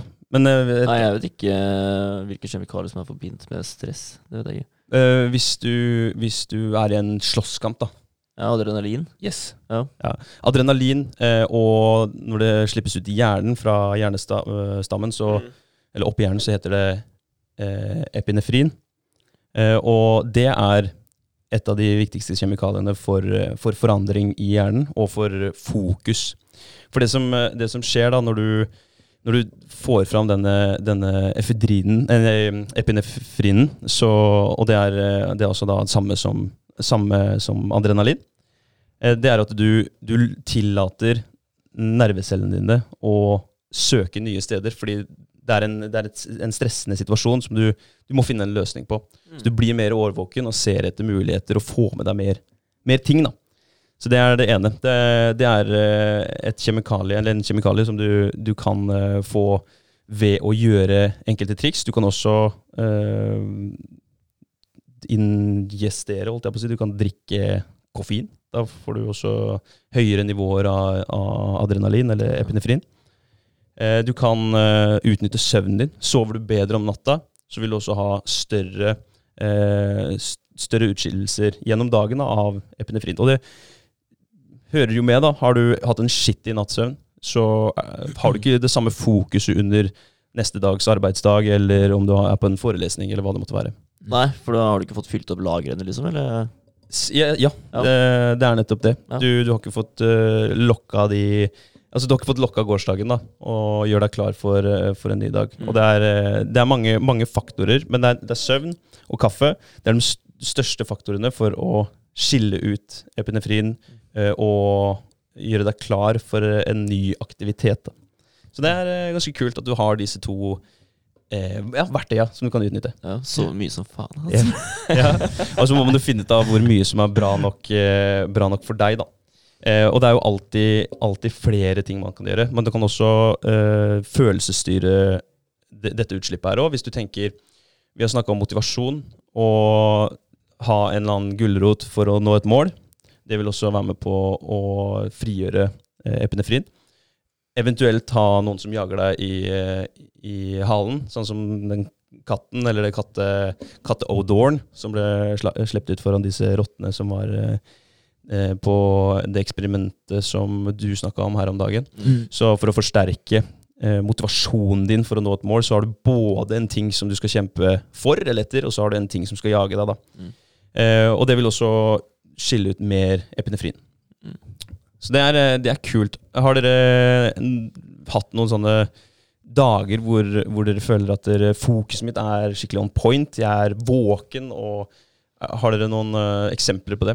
Jeg merker bare generelt i rutiner. Ja. Altså, hvis jeg er flink i rutinene mine, det er akkurat som du, du bygger opp moment. Ja, ja. Og, og da merker jeg at der, uh, ja, ting flyter mye, mye bedre. Jeg føler jeg er mye mer effektiv, er on point. Men Mm. uh, hvis jeg da eh, Hva skal jeg si? en Hvis det kommer en helg, da, si du drar på en fest, da, eh, og, og du drar den litt ut, og du er sliten dagen etter, Mm. eh, så du gjør egentlig ikke noe særlig fornuftig dagen etter, da, da føler jeg at momentet er ødelagt, og, og da tar det lang tid før jeg bygger det opp igjen. Så jeg, så jeg merker veldig Men, men jeg tror jo altså akkurat i, i forbindelse med det, eh, da får du hele tiden den derre gode følelsen av at der, du når delmåla dine hele tiden. Du har satt deg en plan for dagen, du har satt deg en plan for uka. Du har vært dritflink, du bygger opp selvtillit. Du skiller ut eh, deler av disse stoffene, da, og da får du den der positive feedbacken hele tiden. Så, så det er da jeg egentlig merker det mest. Ja, det er jeg helt enig i. Når du er aktiv, da, og du gjør ting altså Det er jo det du blir sliten av, av å faktisk ikke gjøre noe. Mm. Det er da du blir eh, trøtt og lei. Så jo mer du gjør, jo mer aktiv du er, jo bedre vil du føle, tenker jeg jo. Ja, Spesielt hvis det er noe litt meningsfylt. da. Ja, ja. Så, ja, så ikke man bare gjør masse drit. Men det, det hører jo med da, at det er noe meningsfylt du driver med. da. Spesielt da hvis det er litt uh, i tråd med måla dine. Og så har du et uh, kjemikalie til som heter acetylkolin. Uh, og det er uh, Hvis du tenker at det, det første kjemikaliet det er for å åpne opp for nye koblinger. Mm. alertness og stress hvis du er i en stressende situasjon. Så oh shit, nå må vi finne på et eller annet. det andre kjemikaliet er acetylkolin, og det er fokuset. Det er altså da kikkerten som jeg har snakka om, hvor, hvor, du øker eh, Du zoomer deg inn på den ene nervebanen, da, og du forsterker koblingene. Så der, der, eh, ligger det faktiske fokuset, hvis du skal tenke kjemisk på det. Og den kan du øke da, med, med å bruke eh, synet ditt, som vi snakka om i stad, og faktisk være bevisst på det du gjør, og det du ser på. At det er det som er eh, målet ditt. Og da vil du automatisk produsere mer fra eh, forhjernen og eh, acetylkolin, mm. som gjør disse nervebanene sterkere. Alle koblingene, synapsene, blir sterkere. Så eh, hvis du tenker på en sånn eh, en fugl, det, det har vi kanskje snakka om før òg, som eh, står, eller en kylling eller en due som står og skal lete etter mark, så har de, de har to øyer som står på, måte på hver sin side av og ovenfor et nebb. Og så plutselig, på, på, et lite millisekund, så bare dukker det nebbet ned og plukker opp en mark. Det sier litt om hvor kjapt de klarer å rette fokuset ned på den uh, marken. Og det er fordi at de har, uh, har, disse to øynene som klarer å vende innover, nedover, på veldig kort tid. Og idet de øynene vender innover og nedover, så slippes det ut ekstremt mye acetylkolin. Eh, og, og, da vil fokuset også bli enda, enda større. Ja, ikke sant? Så det er ganske interessant, og det er jo ting vi kan, vi kan utnytte. Og det her er jo basert på hva, hva, skal du fokusere på? Er det noe du skal lese? Er det noe, skal, eh, noe du skal på en måte forstå? Eh, da er det viktig å bruke det visuelle, den visuelle effekten. Eh, er det noe du skal høre, så må du jo på en måte zoome deg inn via hørsel også. Da må, er det lurere å lukke øya. Så hvis du skal prøve å få med deg det noen sier, Eh, så er det ikke Det er helt feil å be Eller hvis noen skal få med deg det du sier, da, så det er feil å be dem om å uh, Se meg inn i øya når jeg snakker til deg. Fordi da vil du Du vil ikke få noe mer oppmerksomhet hørselmessig. Hvis du lukker øya, så har du, mer, har du den conen retta mot uh, den sansen din. ikke sant? Det er mm. den sansen som skal ta opp informasjon. Uh, så det er, det er en greie man kan tenke litt på. Hvis du ser se for deg en Eller hvis du har hørt om noen som er blinde, da, og de uh, sier at de blinde har en, eh, en, eh, en, bedre hørsel og har bedre følelighet med fingrene, Uh, så er ikke det bare kødd. For det som skjer, det er at den visuelle cortexen da, som sitter i bakhodet her, den mister jo en funksjon. Den skal, gjør ikke jobben sin. Så de nervebanene og synapsene som er baki der, de eh, blir tatt over av hørselssenteret. Så det er nerver som jobber for hørsel istedenfor. Så du får automatisk flere eh, baner som jobber for hørselen din. Ja, mm. Men det er vel spesielt også hvis du er, eh, hvis du er eh, Ja, hva blir det? Hvis du er blind fra du er født, så vil vel den effekten der være vesentlig sterkere enn hvis du blir blind i voksen alder. Yes, og det er jo litt fordi at plastisiteten blir den blir dårligere. Så uh, nervebanene og hjernen og nervesystemets uh, evne til å endre seg, mm. den blir vanskeligere. Hvis du ser for deg at babyens hjerne, da, uh, der er det masse wires, det er masse plass. og etter hvert som vi blir eldre, så blir det blir trangere i hjernen. Du kan se for deg at er, du har en, en bøtte med stein. Og jo eldre du blir, så heller du sement oppi den bøtta, og den bare fyller seg opp og fyller seg opp. og fyller seg opp. Så det blir mindre plass. Så i starten så har du masse plass til å gjøre mange kule endringer og lære deg nye ting og forme hjernen som, mm, akkurat sånn som du vil. da. Men etter hvert som du blir eldre, så er det sementen som, eh, som fyller opp, og det her er alt av input da, som man får med seg gjennom livet. Mm. For, ja, for du får jo altså Du får jo helt sjukt seige vaner. Altså når du er, si du er 60 år, og du har gjort en ting hele livet. Ja, ja. Altså, den, den, ja, den sitter jo ja, som støpt, da, ja. bokstavelig talt. Så det er klart at det, det blir litt uh, verre å drive og endre på dem. Så det er en fordel da, å starte å bli bevisst på, på de tinga der jo yngre man er. Men mm. det betyr jo ikke at det er for seint hvis man er Hvis han har er, bikka eh, 25, liksom. Nei, men at eh, jo eldre du er, jo hardere må du jobbe da, for å bli Ja. kvitt de, de gamle, dårlige vanene. For de har blitt eh, Altså, Hjernen din også vil jo hele tiden jobbe for å automatisere ting. Så hvis du gjør en ting på repeat ofte, så, så vil jo ikke hjernen din at du skal bruke mye kapasitet på det. For det, da vil jo den automatisere den handlinga der. Så, så, så den eh, ja, sementerer jo det i, underbevisstheten din etter hvert. At det ja. blir en sånn ja. Rutine. rutine, ja. Ja. Og, da, og da vil du ikke være bevisst på når den skjer. Da skal det egentlig bare skje automatisk. Så det er det å begynne å anerkjenne de, eller legge merke til de eh, tinga som er gjort eh, eller blitt automatisert av systemet. Begynne å fange opp dem igjen og begynne å endre på de. Det, det krever selvfølgelig sitt. da. Mm, Mm. Absolutt. Ja, det. Ja, men det er, det er bra, det. fordi at det, hvis du automatiserer en ting, eh, så vil det si at du har én ting mindre å tenke på eh, når det gjelder fokus. Da ligger det der og er klart. Da er du klar for å angripe noe nytt. da. Ja, for det er jo det som går igjen her. da, Hvis vi ser, ser på fokus, så, så handler det om å prioritere. Og både nervebaner og ting i livet ditt kan du eh, vrake. Du kan vrake en ting og erstatte med en annen ting. Mm. Det er aldri for seint. Det er bare det at det, det krever litt mer jo eldre det blir. Eh, så hvis vi bare tar en liten oppsummering da, av, av fokus og hvordan du faktisk kan, kan uh, målretta jobbe for å, for å endre ting og ha et bedre fokus, da er det å, å være til stede her og nå. Uh, og her og nå så må du prioritere det ene eller det andre. Du må ha et bevisst forhold til uh, hva du fokuserer på, hva du har lyst til å, å gjøre. Og så kan du he hele tiden da finne eh, sånne ekstra hjelpemidler. Da. Du har jo for eksempel, Nå ser jeg ikke at dere skal gjøre det, da, men du har jo nikotin. Det er jo også med på å, å skille ut mer epinefrin i, i, eh, hjernen. Mm. Så det er jo flere forskere og kunstnere og sånt noe som tygger sånn Nicorette for harde livet, for å ha, ha en bedre alertness og fokus. Jævlig bra. Så det trenger ikke, trenger ikke bety at det er det som er fasiten. Da er det nok bedre med, med søvn, først og fremst, og kaffe hvis du trenger et eller annet som, eh, som booster deg litt. Ja. Nå skal det sies da, sånn som du sa i stad, Berger, med kaffe og den nedbrytningstiden den har, den er ganske lang. Mm. Og, og hvis, du, hvis du drikker den sent på, på dagen, så så vil du legge et lokk på det som heter adenosin, som er eh, et, et, en kjemikalie, det også. Jo fullere du er med, med den kjemikalien, jo trøttere blir du. Så den bremser prosessen der, da. Så da blir du senere trøtt, for å si det sånn. Ja, ikke sant? Jeg mener at uh, Sofie har lest den der eh, boka til Matthew Walker, 'Why We Sleep'. Mm. Og Den uh, vil hun anbefale på det sterkeste. Så Jeg har hørt noen podkaster med ham, og han er en veldig interessant type. Glup på søvn, han, også. Ja, veldig.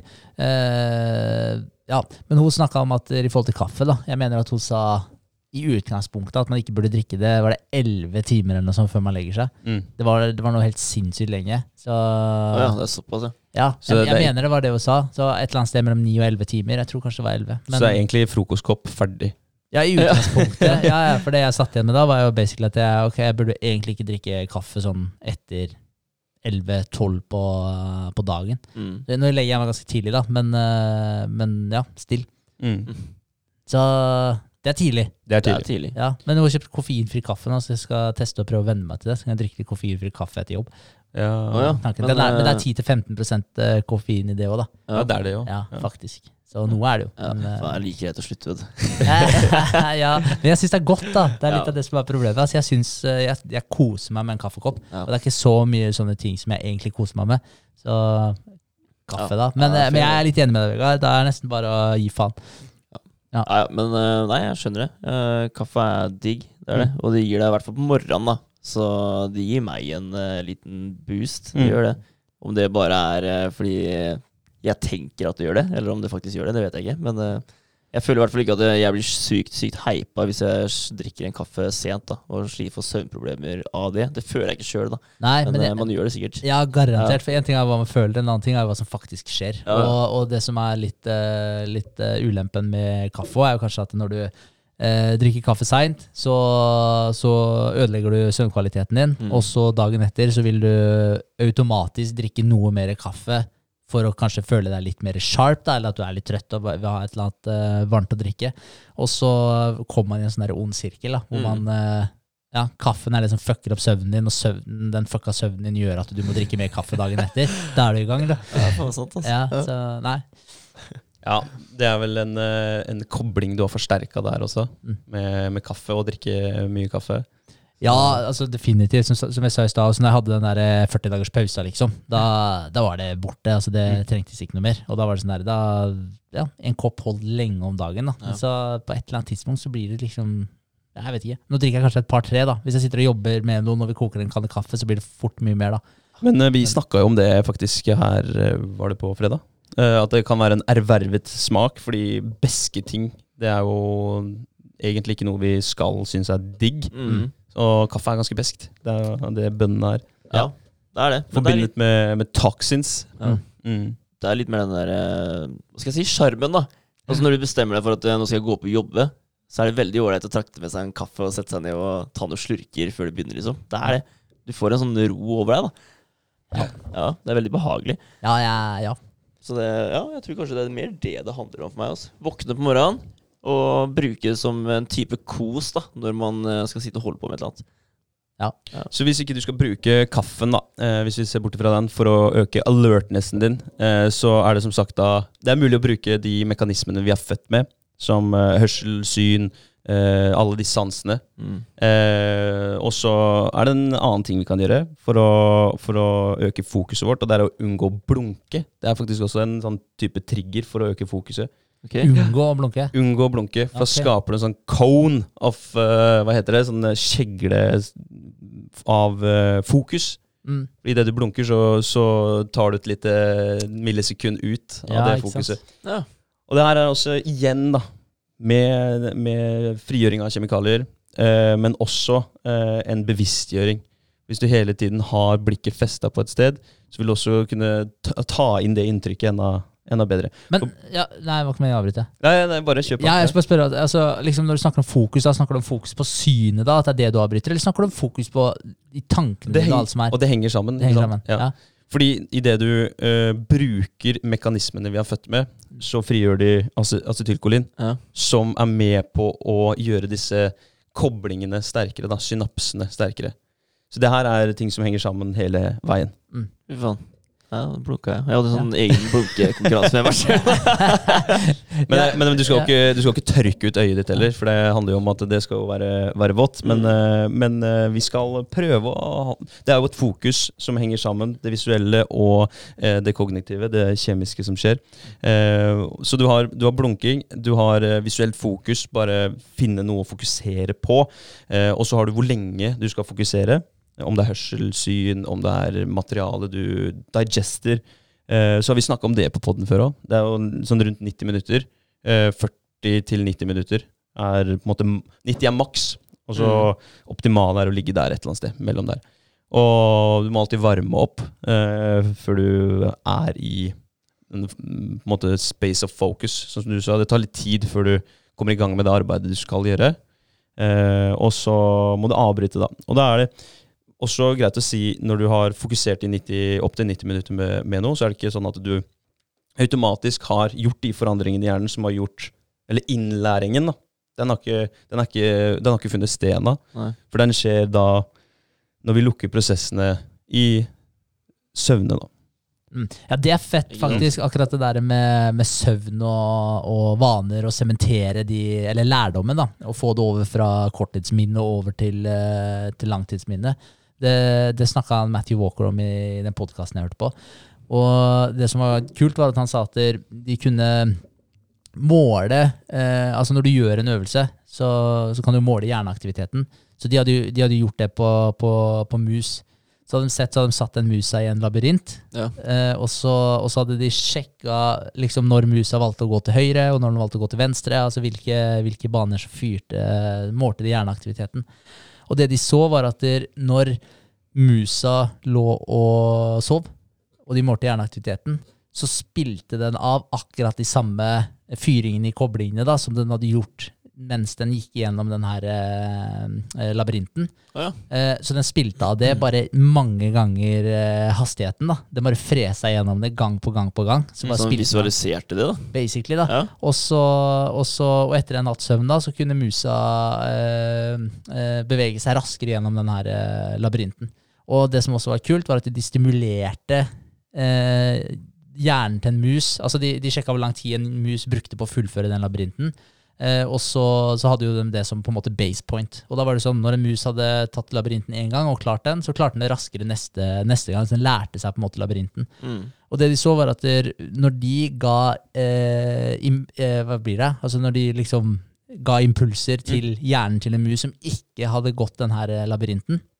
Så de satt den eh, musa i labyrinten for første gang, men de hadde, de hadde drevet og gitt den impulser på de samme koblingene som den der andre musa som faktisk hadde gått den, eh, hadde gjort. da. Ja, ja. Eh, og da klarte den musa der seriøst å gå den labyrinten mye raskere enn eh, enn de eh, tidligere musene, da, den som ikke hadde blitt eh, stimulert på den samme måten. ja, ja, det tror jeg. Det, tror jeg. Det er sjukt. Ja, Det er det er sjukt. Men det er jo akkurat som hvis eh, du, du og jeg går på samme, samme fjellvegg, da, og så klatrer samme bane. Og jeg står og faktisk studerer banen først og klatrer, men du studerer ikke banen først, du bare hiver deg ut. Mm. Så vil jeg jo tro at eh, jeg hadde klatra den bedre enn deg. Ja, ja, helt Ja. sikkert. Helt sikkert. Så, men det som er litt fett med det, da, i forhold til bare, liksom det med den søvnprosessen òg, og få sementert lærdommen, for det er jo egentlig det du gjør. Og, og da kan man igjen tenke deg, hvis man tar valg som fucker med søvnkvaliteten din, så er ikke det ting som du egentlig merker akkurat der og da, men som kanskje kan ha en veldig negativ ting på Eller neg Konsekvens. ja, veldig negativ konsekvens på det langsiktige løpet ditt. da. Mm. Ja, selvfølgelig. Og du har uh, han Matthew, han, han har jo uh, masse positivt, og selvfølgelig, da, sånn en er søvnforsker, å Ja, si om søvn. Ja, Men, Jævlig biased, altså. Biased. Men, uh, men det kommer jo igjen fra mange andre vitenskapsmenn og -kvinner, og folk som har gjort det bra, da, at du må, du må få, få den søvnen din. Men så er det noen uh, som, som er avvik fra den regelen der òg, som overlever på fire timer søvn hver eneste natt. Men uh, hvordan det kommer til å ende opp til syvende og sist, vet man jo ikke. da. Det kan hende at livet er forkorta med x antall år. Ja, og Der sa jo han der Matthew Walker da, at det er en sterk korrelasjon mellom Alzheimers og for lite søvn. Mm. Yes. Så mange av disse, de som har liksom vært notoriske notorisk eh, public med at de har kun sovet fire timer og kun sovet fem timer, de fleste av dem har endt opp med Alzheimers etterpå. Ja, ikke sant. Mm. Mm. Og, og er, det er jo sånn at der, for hver våken time vi har, våkent minutt vi har, så skjer det sånne prosesser i kroppen som ikke er helt bra. Hvor du genererer dårlige celler, og de cellene trenger vi å kvitte oss med. Og det skjer som regel under, under søvnen. da. Ja. Eh, Så det er mye, mye man kan eh, få ut av en god natts søvn. Det er ikke bare at du lader batteriene, det er faktisk at du reparerer ting som har blitt ødelagt. Mm. Og det, det er viktig å få med seg. Og det samme gjelder jo da, som vi sa, innlæring. Det, du, lærer ikke, du lærer det ikke rett etter at du har gjort det. Det er, det er etter søvn. Bare se på de som trener hunder. Det er akkurat det samme der. De kjører maks ti minutters uh, intervaller med hard trening, da, hvor du ber bikkja om å gjøre en bestemt oppgave, og så er det rett inn i buret, og så får du hvile i noen minutter. Mm. Par-tre minutter, liksom. Da er det non-sleep deep rest eller en liten nap da, som gjelder, og det er da, da sementeres de, de lærdommene. Mm. Ikke sant? Det er kult. Men det er en ting som er veldig viktig å, å vite om, det er jo det med i forhold til hvordan man føler seg. Altså vår egen subjektive mening om hvordan vi føler oss, kontra den faktisk den objektive Ja. biten av det. Og, og når vi sover lite, hvis du venner deg til lite søvn, så sier man at man fungerer bra på lite søvn. Og du Mm. føler at du fungerer bra på lite søvn. Men hvis du faktisk måler resultater, kognitive resultater, eh, når, du har hatt, når du har fått nok søvn, kontra når du ikke har fått nok søvn, så scorer du vesentlig dårligere. Og det her har de gjort eh, sånn der, eh, forsøk på med, med grupper som hadde sovet ja, det Noen som sov i gjennomsnitt åtte timer om natta, og så var det noen som skulle sove jeg vet ikke om det var fire eller fem timer, jeg er litt usikker. Så de hadde to grupper, og så testa de dem kognitivt. Og så noterte de scoren deres, og så kjørte de det her i jeg vet ikke om det var fire uker eller et eller annet. Så de på en måte rakk å venne seg til å sove den mengden som de gjorde. Og så switcha de om etter de fire ukene. Det kan ha vært seks uker jeg husker ikke. Eh, Så switcha de om, og da skulle den gruppa som hadde sovet åtte timer, den skulle nå sove fire timer. Og den andre gruppa som hadde sovet fire timer, skulle nå sove åtte timer. Og så testa de dem da i, i, før byttet, og så testa de etter siste intervallet.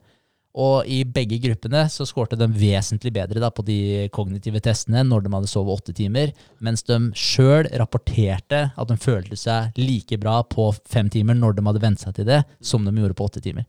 Så, så greia er at du tror da sjøl at du, at du eh, fungerer like bra, fordi du ikke merker eh, den effekten, men du presterer dårligere. Ja. Og så du forteller deg sjøl hele tiden at eh, jeg fungerer like bra. Ja. Så det er jo en tanke du velger å tenke. Ja, ja. Så- Men det er det. Altså, det er flere ganger jeg har sovet lite, men føler meg mer energisk da, enn eh, de gangene jeg har sovet nok. da. Det er det. Så, og da forteller jeg meg sjøl at jeg, jeg trenger jo ikke så mye søvn. ja. ja. Så er det mange andre faktorer som er med i bildet der òg, Ja. med, med kosthold og om man har trent eller ikke trent. Og det er mye, mye Det er som spiller inn. Jeg tror det er utrolig mange som uh, har den tankegangen. At de, eh, og de er uh, nesten stolte av det. da At de ikke trenger så mye søvn. ikke sant? Fire-fem timer søvn, det holder for meg. Mm. så er de fornøyd med det. da Ja. Så ja, nei, det er jo tydeligvis ikke bra, da. Men, og det sier seg sjøl vi skal jo sove. Vi, må, vi trenger søvn. Ja. Ja. det. Så, Han, han sa et eller annet mellom syv og ni timer. Et eller annet sted der er det optimale, for det er ikke bra å sove for lenge heller. Nei. Men et eller annet sted mellom syv og ni timer, det var det, det er, Nå er det et par år siden jeg hørte den her, da, men Mm. uh, mellom syv og ni, mm, strekke meg til syv. da. Prøve det. Ja. Det er et mål. Det er et Det mål. er et mål. Ja, fokus, uh, fokus på det. Fokus på søvn. Fokus på, på å bli bedre. Det er jo det vi, eh, vi snakker om. Og det her er det er viktig å ta med seg. At der, du må velge, velge ut noen tanker for å klare å holde fokus. For du, du klarer ikke å, å ta med deg alle inntrykka du får eh, hele veien. Så bare se på, se på det livet vi lever i dag, med TV, iPad, eh, PC, eh, telefon, radio. Ikke sant? Det, er, det er alltid en eller annen som skal gi deg informasjon. Mm. Og så må vi selektere litt bedre enn det vi, vi eh, har blitt vant til å gjøre. Men det, men det er jo ingenting som er mer motiverende egentlig enn å tenke, altså ut ifra den samtalen vi har hatt i dag, da, eh, i forhold til hvordan du kan eh, ja, skape nye synapser i hjernen og egentlig forme den hjernen dit du vil, Ja. ved hjelp av rutiner og ha fokus på de riktige tinga. Det er jo ingenting som er mer motiverende enn det, hvis man faktisk Man vet at det er mulig. Ja, ja, Ja. du skjønner at du kan gjøre det. Det Ja, er ja. ganske fett. Og da, sånn, og da, da snakker vi liksom fokus og rutiner igjen, fordi du må, du må begynne å skape deg de gode rutinene som tar deg dit. Og, og, og det er som du nevnte i stad, det hjelper ikke å bare tenke en tanke én gang. Du må, den må repeteres for at du virkelig skal få sementert den inn i hjernebarken din.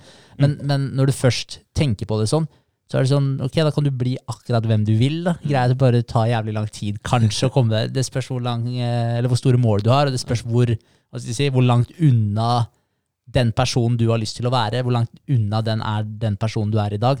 Mm. Og selvfølgelig vil det jo ta lengre tid jo lengre unna den er. Men, men greia er at du har faktisk muligheten da, til å påvirke de greiene her. Men da må du begynne å bli bevisst på, på det som skjer oppi der også. Mm. Fokus er linka til mange essensielle evner, da, som læring, som lytte, å være empatisk, eh, sympatisk, følelser. Det handler om at du, du kan, som du sier, styre livet i riktig retning med det fokuset ditt. da. Vi har jo snakka om den der båten man eh, fører. Man er skipper i en båt. Og hvis du står med den kikkerten og peiler deg ut en retning, så kommer du deg mest sannsynlig dit. Men hvis du hele tiden bare titter fra side til side, og det roper en annen båt eh, ved siden av deg 'Hei, det er fett her borte', og så roper det en annen båt, eh, en annen pirat bort på venstrekanten her, på babord side 'Hei, det er, det er fett her borte', da kommer du ikke dit du skal. ikke sant? Og det handler jo om fokuset ditt. Mm. Så nei, det er grusomt viktig. Ja, ja, men det er jo det. Og, og klarer du ikke å fokusere, så kommer du ikke til å få til en dritt. Sånn, helt, det er, så svart på hvitt er det faktisk. Ja, ja. Så klarer du ikke å fokusere, men det sier seg sjøl. Klarer du ikke å fokusere på de tinga du burde ha fokus på, altså per egen definisjon i forhold til hvor du har lyst til å, å ende opp, eller hva, hva slags mål du har lyst til å nå, Ja. da, da er du kjørt, da. Sier seg sjøl. Mm. Ja, jeg, jeg drar med meg mye bra fra, fra akkurat det her, og, da, og jeg drar med meg, som du sier, Henrik, at der, eh, vi er et eh, kart som man kan customize gjennom hele livet. Eh, Du kan sette eh, endestasjon hvor du vil, eh, og du kan hele tiden skape nye synapser via de impulsene du selv mottar eller gir. Og det som er så utrolig kult, er at hvis du gjennom livet ditt klarer å bevise da, at det er mulig, så kan alle andre se at du har fått det til. Du har endra eh, hjernekjemien din, og du har fått til akkurat det greiene her. Og det satt vi i pod nummer 71 og snakka om. Det er fett. Ja, det er Ja, altså, det er jævlig kult. Men det er, det er definitivt et mål jeg har også. Å se tilbake på det og bare ok, men det, det funka. Og jeg merker det jo allerede med de challengene vi gjør. Eh, altså at jeg har fått som vane å stå opp tidlig, og de, de rutinene her det koster meg ikke nesten noen ting lenger. Altså det er bare sånn Det er bare å gjøre det, da. Ja, ja. Ja, så, det blir, Det så jeg merker at de tinga der også går over på automatikk. Og nå har vi holdt på med det i over et år. Mm. ja, det er ganske vilt. Ja, og, det, ja, og, det, og det, jeg merker at det bare blir enklere og enklere. Altså, Misforstå meg rett, den planken er jo grisetung. men, men det at du faktisk skal gjøre det, og ja så, Jeg syns det, det begynner å bli gøy. jeg. Og så blir det en liten intern kamp eh, oss imellom òg. Ja. Ah, ja. Ikke være han første som eh, faller. Men eh, det, det gjør det spennende, da. Det gjør det. Og det, det trigger noe i deg. altså. Det Mm. er utrolig fett. Jeg, jeg, jeg, jeg skal ta ti minutter. Hårete mål, Berger. Hårete mål. Ja. Jeg sier det til meg sjøl, jeg også. Eh, men fem minutter, det, det er som du sa, Vegard. Det er bristepunkt nå. Det merkes, Det er det. det, er det. Men uh, det, er, det er litt demotiverende når man hører den der ni og en halv time Guinness-rekorden, og så Ja. er det her så jævlig tungt. Det er jo egentlig ingenting, vet du. Nei. Det er ikke det. Men det, det er litt den derre Og så skal jeg stå i Skal jeg stå i 20 minutter da med dårlig holdning. Klarer jeg det? det? Da er det bedre å ta en pause ikke sant? enn å få svikt i korsryggen. da For det, det vil jo egentlig bare skade meg mer. Nå tenker jeg sånn, sier Vegard det her nå for at jeg skal bryte? Neste ja. nå. Der er, der er spill. Ja, det er taktisk spill. spill, ja. Jeg tar den bøyde korsryggen. ja. ja, det er bra. Ja. Nei, jeg, jeg har egentlig ikke så mye mer å si enn eh, at dere, vi får holde fokuset vårt på, på podden, på NutriHorse og på Nøyd og på det vi har lyst til å gjøre. For det må jo understrekes, da. Hvis du ikke har lyst til å ha fokus et sted, da må du jo finne et annet sted å ha fokuset. Det er veldig sant. Det er, eh, det er viktig. Be focused. Det er fett. Ja. Men, eh, nei, men jævlig kult. Det er eh, fett, fett tema. Det er Ja, det definitivt det. viktig. Og det er Ja, jeg skal ta med meg, fortsette å jobbe med fokuset. Og det er noe jeg trenger. Jeg merker at det, det drifter litt da, fra uke til Ja. uke, liksom. Altså hvor fokusert jeg er. Og jeg merker at, det, som du var inne på i stad, Vegard, jo mindre du har å gjøre, jo mindre jeg har å må gjøre, jo, jo mindre fokusert blir jeg. Jeg Ja, ja. trenger jeg, å, å ha press på meg. Og Det er helt sant. Jeg, jeg. Merker det sjøl. Jeg tror det er veldig mange som er deadline-driven. Ja. Det, det er det. Ja. Sånn at du må ha et uh, lite press på deg for å kunne være oppe og nikke og prestere, og sørge for at fokuset er på, på topp. Ja, det er Prøve å sette seg sjøl litt i de situasjonene hvor man faktisk uh, ja, havner der hvor det er litt eh, Deadlines. Deadlines, ja. ja. ja. og, det, og det gjør det jo snart med oss òg, men nå er vi litt i den her limboen da, med at han fyren eh, programmerer for oss. Og det er liksom sånn Mm. Det er begrensa. Vi, vi kunne sikkert gjort kjempemye, men det er begrensa. Jeg kommer ikke helt på hva Det er akkurat det, da. Klare å finne noe annet å sette fokuset på, da, enn så lenge. Mens man er i en sånn ventefase. Mm. Det, den er ikke lett. Den er det ikke. Men eh, vi nailer det. Ja, Ja, ja. og da er det jo kanskje fokusere på, på egne egenskaper og kvaliteter, og dere har jo snakka om det. Mm. Så det. Det kan være en eh, opportunity. Ja, ja, definitivt. I hvert fall bruke, bruke tida til noe fornuftig. da, Noe som på en måte overlapper litt med hvor man har uh, lyst til å komme hen. Mm. Så Det trenger jo ikke bare være at du jobber med prosjektet ditt. Det kan jo være at du jobber med karakteren din og Ja, skillsa dine også. Personlig utvikling. Ja. Ja. Det, det liker vi. Ja, altså. Men uh, tenkte på Nå har vi gjort ferdig Hvor mange dager ble det på 39 for meg. På Carnivore? Ja. Ja, det ikke det? 39? Ja. 39 eller 40? Hva er eh, dommen, da? Jeg, jeg skal tilbake til, eh, til eh, Fordi nå har jeg hatt eh, vondt i magen siden dag 39 eller 40. Ja. Eh, så jeg skal tilbake eh, sånn delvis, i hvert fall. Sånn eh, carnivore-ish. Eh, nei, animal-based. For jeg merker at det her Det er ikke holdbart. Jeg, f- jeg er trøtt om morgenen, jeg er trøtt om kvelden, jeg har vondt i magen. Men selvfølgelig, det her er jo en umiddelbar reaksjon, og jeg har ikke vært snill. Det har ikke vært en myk overgang. Eh, Nei. det var ganske Ja. mye digg. Vi, eh, ja, vi bare kasta i oss på, på fredag kveld der. Definitivt. Det var det. Det var det. Så Nei, men eh, jeg òg tenker at jeg skal Jeg går ikke tilbake fullt og holdent til å bare spise kjøtt. Det gjør jeg ikke. Men eh, jeg kommer helt klart til å spise mye mer kjøtt, Mm. men bare ha, ha noe ved siden av, da. Ha ja, en, eh, noen tomater og noen eh, agurker ved siden av, liksom, bare for å få litt friskhet. da Det, det kommer jeg til å gjøre. Ja. Så det kommer til å holde seg ganske likt, tror jeg. Ja, Men, men hvordan, eh, hvordan har du opplevd det? da? Altså, hva, Hvorfor skal du fortsette å Altså, hva, Hvordan Ja, har du for det For det? første så er det utrolig raskt og enkelt å bare steke en uh, biff i panna. ja. I forhold til å diske opp et helt måltid da, med sauser og andre ting ved siden av. Så du sparer utrolig mye tid der, da. Det er bra. Uh, og så er det jo det med Altså, jeg har skjønt nå hvor mye jeg faktisk promper. ja. Hvor mye gasser du produserer. Ja, ja. Og så er det det med magen, da. Det, når du spiser deg mett, da, så klarer du faktisk eh, å gjøre noe etterpå. da Mm. Du slipper å bli helt uh, tømt for energi, og du må nesten gå og legge deg på sofaen ikke sant? fordi du er så mett. Og magen din står ut, da. Og den fikk jeg jo på fredag. Mm. Etter vi spiste all den dritten her, så Jeg fikk jo vondt i magen. Mm. Altså, den este ut. Så jeg tror ikke jeg, tror ikke jeg ville ha fått Jeg tror, ikke, jeg tror faktisk ikke jeg ville fått samme opplevelse uh, ved å spise altfor mye kjøtt. da Nei, jeg ikke. Og jeg har prøvd å spise ganske mye, og jeg har ikke fått den, sånn den metthetsfølelsen da på den måten. Det er jeg ikke. Nei. Og så, hvis vi skal ta med et par ting òg, altså energinivå er jeg veldig enig i. Og så har jeg jo et før- og etterbilde jeg er ganske fornøyd med. Og jeg, jeg må si at jeg har aldri vært eh, super eh, Hva skal jeg si, superfornøyd med liksom mage og pack og sånt noe tidligere. Men eh, på da, eller uke fem der så, ble jeg, jeg ganske imponert over meg sjøl. Ja. Og, og det er jo uten å gå inn for å gå ned i noe vekt eller noe, noe sånt noe. Bare kutta karbohydrater. Ja. Og da forsvant det ganske mye vann, først og fremst, og så forsvinner det jo en del eh, fett etter hvert. da. Mm. Og det, det syns jeg var kult, eh, å se at det går. For jeg har sett og hørt og vært med mange reiser på vektnedgang. Og det, det er ofte mye underskudd og lite energi. Og det har ikke jeg opplevd gjennom de fem ukene her. Kaloriunderskudd er jo ikke, det er jo ikke optimalt hvis man skal prestere. Man skal jo helst ligge i balanse eller litt i overskudd.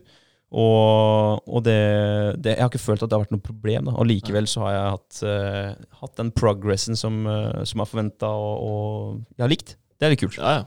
Ja, det er bra. Jeg har også merka det, altså, men det merker jeg egentlig hver gang. Altså, sånn I forhold til det med fettprosent, da, at man eh, blir jo mye mer uh, shredda. Og så Ja. er det som du sier, og det er uten å tenke på at der, «Nei, jeg må passe på så ikke jeg spiser for mye osv. Altså, jeg spiser meg mett, liksom. Ja. Mm. Det, er, det er ikke sånn at jeg spiser for lite mat. Ikke telt noen kalorier, på en måte. Nei, nei overhodet ikke. Så, men, men jeg også syns jo det. Altså, grunnen til at jeg spiser sånn her òg, det er lettvint. Ja, Det, det er superlettvint. Det er det, også. Eh, også energinivå. Det er stabilt hele dagen. Jeg får ikke de her insulindumpene. Jeg blir ikke trøtt eh, på dagen, må ha lyst til å sove middag på sofaen. og Det er, det er ikke-eksisterende. Mm. Og så er det friheten med, i forhold til hvor ofte jeg trenger å spise. Nå Mm. kan jeg spise akkurat når det passer meg. Både frokost slash lunsj og middag. For jeg spiser som regel to måltider om dagen. Ja. Og da kan jeg spise de akkurat når det passer meg. Mm. Og den friheten der, òg, om det går eh, fem timer mellom måltider, eller om det går åtte, ni, kanskje også ti timer da, mellom måltider, så går det bra. Så hvis jeg må jobbe overtid, så er jeg, jeg, er ikke, jeg er ikke nødt til å ha med noe mat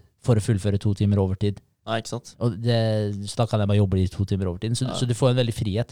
Det som er selvfølgelig baksiden med det, er jo at det er eh, Altså, jeg bryr meg ikke så mye om ensformigheten, for jeg syns, det er, jeg syns jo det er godt. Mm. Eh, men, eh, men det er jo det med at liksom Det er å få tak i mat hvis du er på farta. Mm. Eh, at det er litt mindre alternativer der. Eh, og da er det jo hvis du skal bort og så videre. Og så er det jo sånn her, og hvis du først spiser veldig strikt, så, og du spiser noe annet, så får du jo Montezumas revenge. Eh, så, det, så, så det er liksom Så du veit at den kommer, da. Mm. Ja. Eh, så, så det er jo på en måte litt, uh, litt ulempene, kanskje.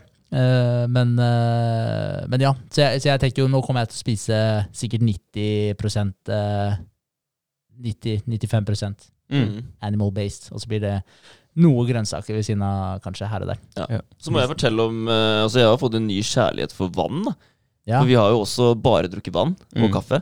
Eh, men uh, altså nå jeg, jeg, jeg smaker vann på en helt annen måte enn det jeg har gjort før. Ja. ja. Der, uh, jeg velger heller vann framfor noe annet. da Mm. det, det vil jeg gjøre nå. Mm. Så jeg tror det blir mye mer vanndrikking for meg nå. Mm. Og det er jo utrolig positivt. Masse shit ja, i disse brusboksene som man slipper å få i seg. da Ja, det er det. Alle disse ingrediensene som man eh, omtrent ikke kan uttale. Mm. Av søtstoffer og tilsetningsstoffer ut av en annen verden. Ja, ja. Så det er nok eh, ikke dumt. Nei.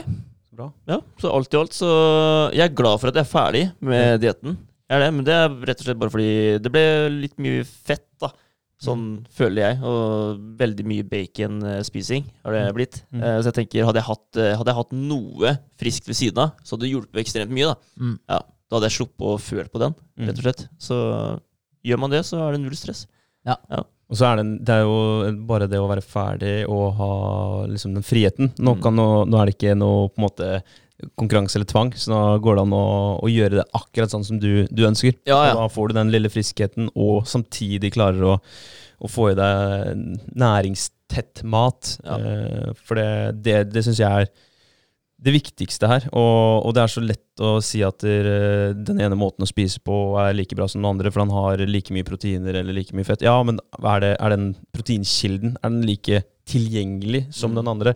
Hvis du tenker um, bare proteintilskudd, da, bare for å ta det som et eksempel, så har de gjort mye forskning på det. og mange, Det har vært eh, På NRK så har de hatt en, eh, en sånn sak da, eh, om eh, at er det bullshit med proteintilskudd, skal vi drite i det? Eh, og det er jo ikke det, hvis du sammenligner Det spørs jo helt hvordan kosthold man har fra før av. Men hvis man tar en gruppe mennesker som spiser relativt likt, og utfører store belastningsøvelser og økter gjennom en uke, og så er det en gruppe som tar kosttilskudd i proteinshake, da.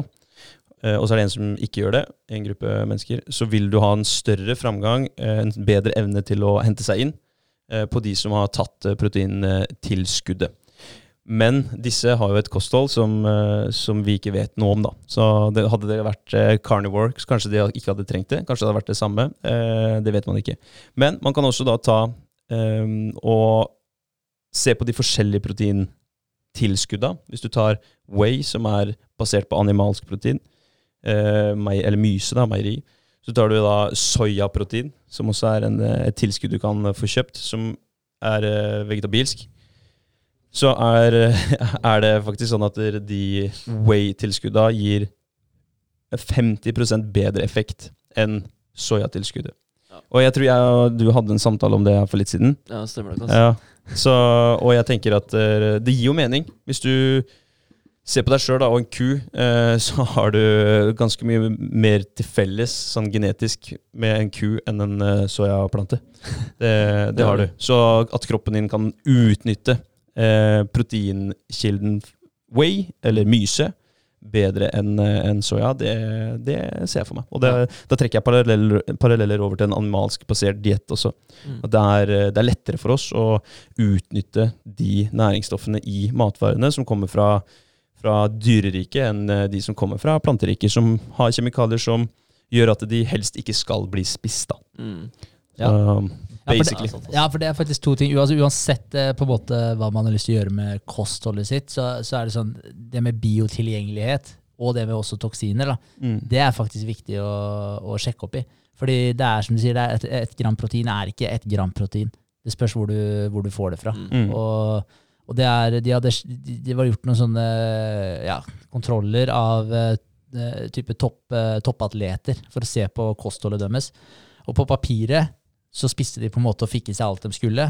Men ettersom de spiste matvarer med uh, lav biotilgjengelighet, så, så gikk de faktisk i ja, underskudd på visse vitaminer og mineraler. Mm. Og, det, og da snakker vi seriøst de som, da snakker vi NFL-folk osv. Altså folk som virkelig burde ha full kontroll på kostholdet sitt. Mm. Så det med biotilgjengelighet det er ikke akkurat noe som blir eh, preacha så veldig, eh, men det er definitivt verdt å sjekke. Sånn som Se på spinat, for eksempel, som liksom skal være en sånn superkilde på jern. Mm. Kroppen din tar nesten ikke opp en dritt av det, så det er faktisk en, ikke en veldig god kilde på jern. Der er faktisk eh, eh, rødt kjøtt vesentlig bedre kilde på jern. Mm. Mm, fordi den har, jeg tror det er sånn 19% absorpsjonsrate eller noe sånt, og så er det spinat som er sånn type ja, Nå kaster jeg bare ut noen tall, men det er sånn type 5% om det er, om det er så mye engang. Jeg tror ikke det er det engang. Altså det er, eh, ja, så det er, det er ekstremt viktig. Ja, biotilgjengelighet og, og om det er inflammatorisk er også viktig. Ja. Det er ting som trigger en uh, immunrespons i kroppen din. Mm. Da, for det, du setter jo systemet på, på alert, som du kanskje ikke trenger. da, At du, du, du frigjør Eller du, du tar opp kapasitet som du kunne brukt til andre ting. Ved å spise enkelte matvarer eller gjøre enkelte ting. Ja. Så nei, lurt. Ja, ass. Fett. Du har uh, en liten uh, jobb du skal på etterpå. Ja, ass. Så vi, uh, vi Ja, skal vi ta opp noe mer helt til slutt? Tenkte, nei, jeg vet ikke. Kjapt. Plan. Uka ja. kommer. Eh, ja, for oss så er det jo Han driver og holder på med hjemmesida, da. Vi har holdt på litt med sånn nyhetsbrev. Eh, ja, og det har vi jo drevet og loka verre med, men nå Men jeg tror jeg har fått, jeg har fått et av dere. Ja, du har det? Ja, Ja. bra. Ja, det så det løser Ja, det bra. Det er bra. Veldig bra. Så vi får se hva slags respons de har gitt. Men ellers så Jeg vet ikke. Vi får bare sette oss ned og planlegge litt. Ja. Eh, Jobbe med oss sjøl denne uka her. Ja, vi, Ja. vi må det, rett og slett. Så finne litt fornuftig fornuftige greier vi kan bruke tida på. Ja. Så også når eh, oppgavene dukker opp eh, i Når han der eh, programmereren begynner å Bli klar, ja. Ja, da, da vil det naturligvis følge en del oppgaver der òg. Så vi får bruke den tida litt fornuftig. Ja, vi bør eh, fordele og bli enige om eh, hva vi skal gjøre, for å få det til å gå fortest mulig, da, når ting er klart. Det er, det er ikke da vi skal eh, begynne å lure på hva vi skal gjøre, og hvem som skal gjøre hva. Da, da skal alt være spikra, og så er det bare å gønne på. Mm. Det blir bra. Så bra. Ja. Jeg har full uke med, med PT-grupper, faktisk. Så jeg har opptatt uh, hver kveld hele uka. Så det er sterke jenter. Så det blir uh, hovedprioritet. Og så har jeg et uh, møte med Espen. Vi skal også ned og prioritere litt uh, framgang nå. Nå har vi gjort en hjemmelekse begge to med å sende ut litt uh, mer henvendelser rundt omkring. Så jeg og Espen er back on track sammen. Ja, det er så det er bra. Det er bra. Ja, det er veldig bra. Så får vi sette oss ned og så finne en lita liste. Begynne å ta litt kontakt med folk her også. Det var jo en kul H-artikkel som, eh, som ble lagt ut. Ja, bra. Veldig kult. Veldig ålreit. Hyggelig at han eh, journalisten tok kontakt og ville, ville ta en prat. Ja, fin fyr. Ja, veldig Ja. veldig ålreit. Fin fyr, fin artikkel og god respons. Ja. Uh, Så nå må vi bare ta kontakt med de eh, vi har lyst til å ta kontakt med. Og det virker som om eh, mange er interessert i å snakke med oss også. Det er, det er hyggelig. Ja, det er det. Utrolig gøy. Så, så det er bare å kjøre på på den fronten der òg. Da må vi fokusere på, på å vinne dagen og vinne uka, da. Mm. Yes, sir. Det er noe right. Bra. Snakkes vi. Yes, takk for i dag. Ha det. Ha det.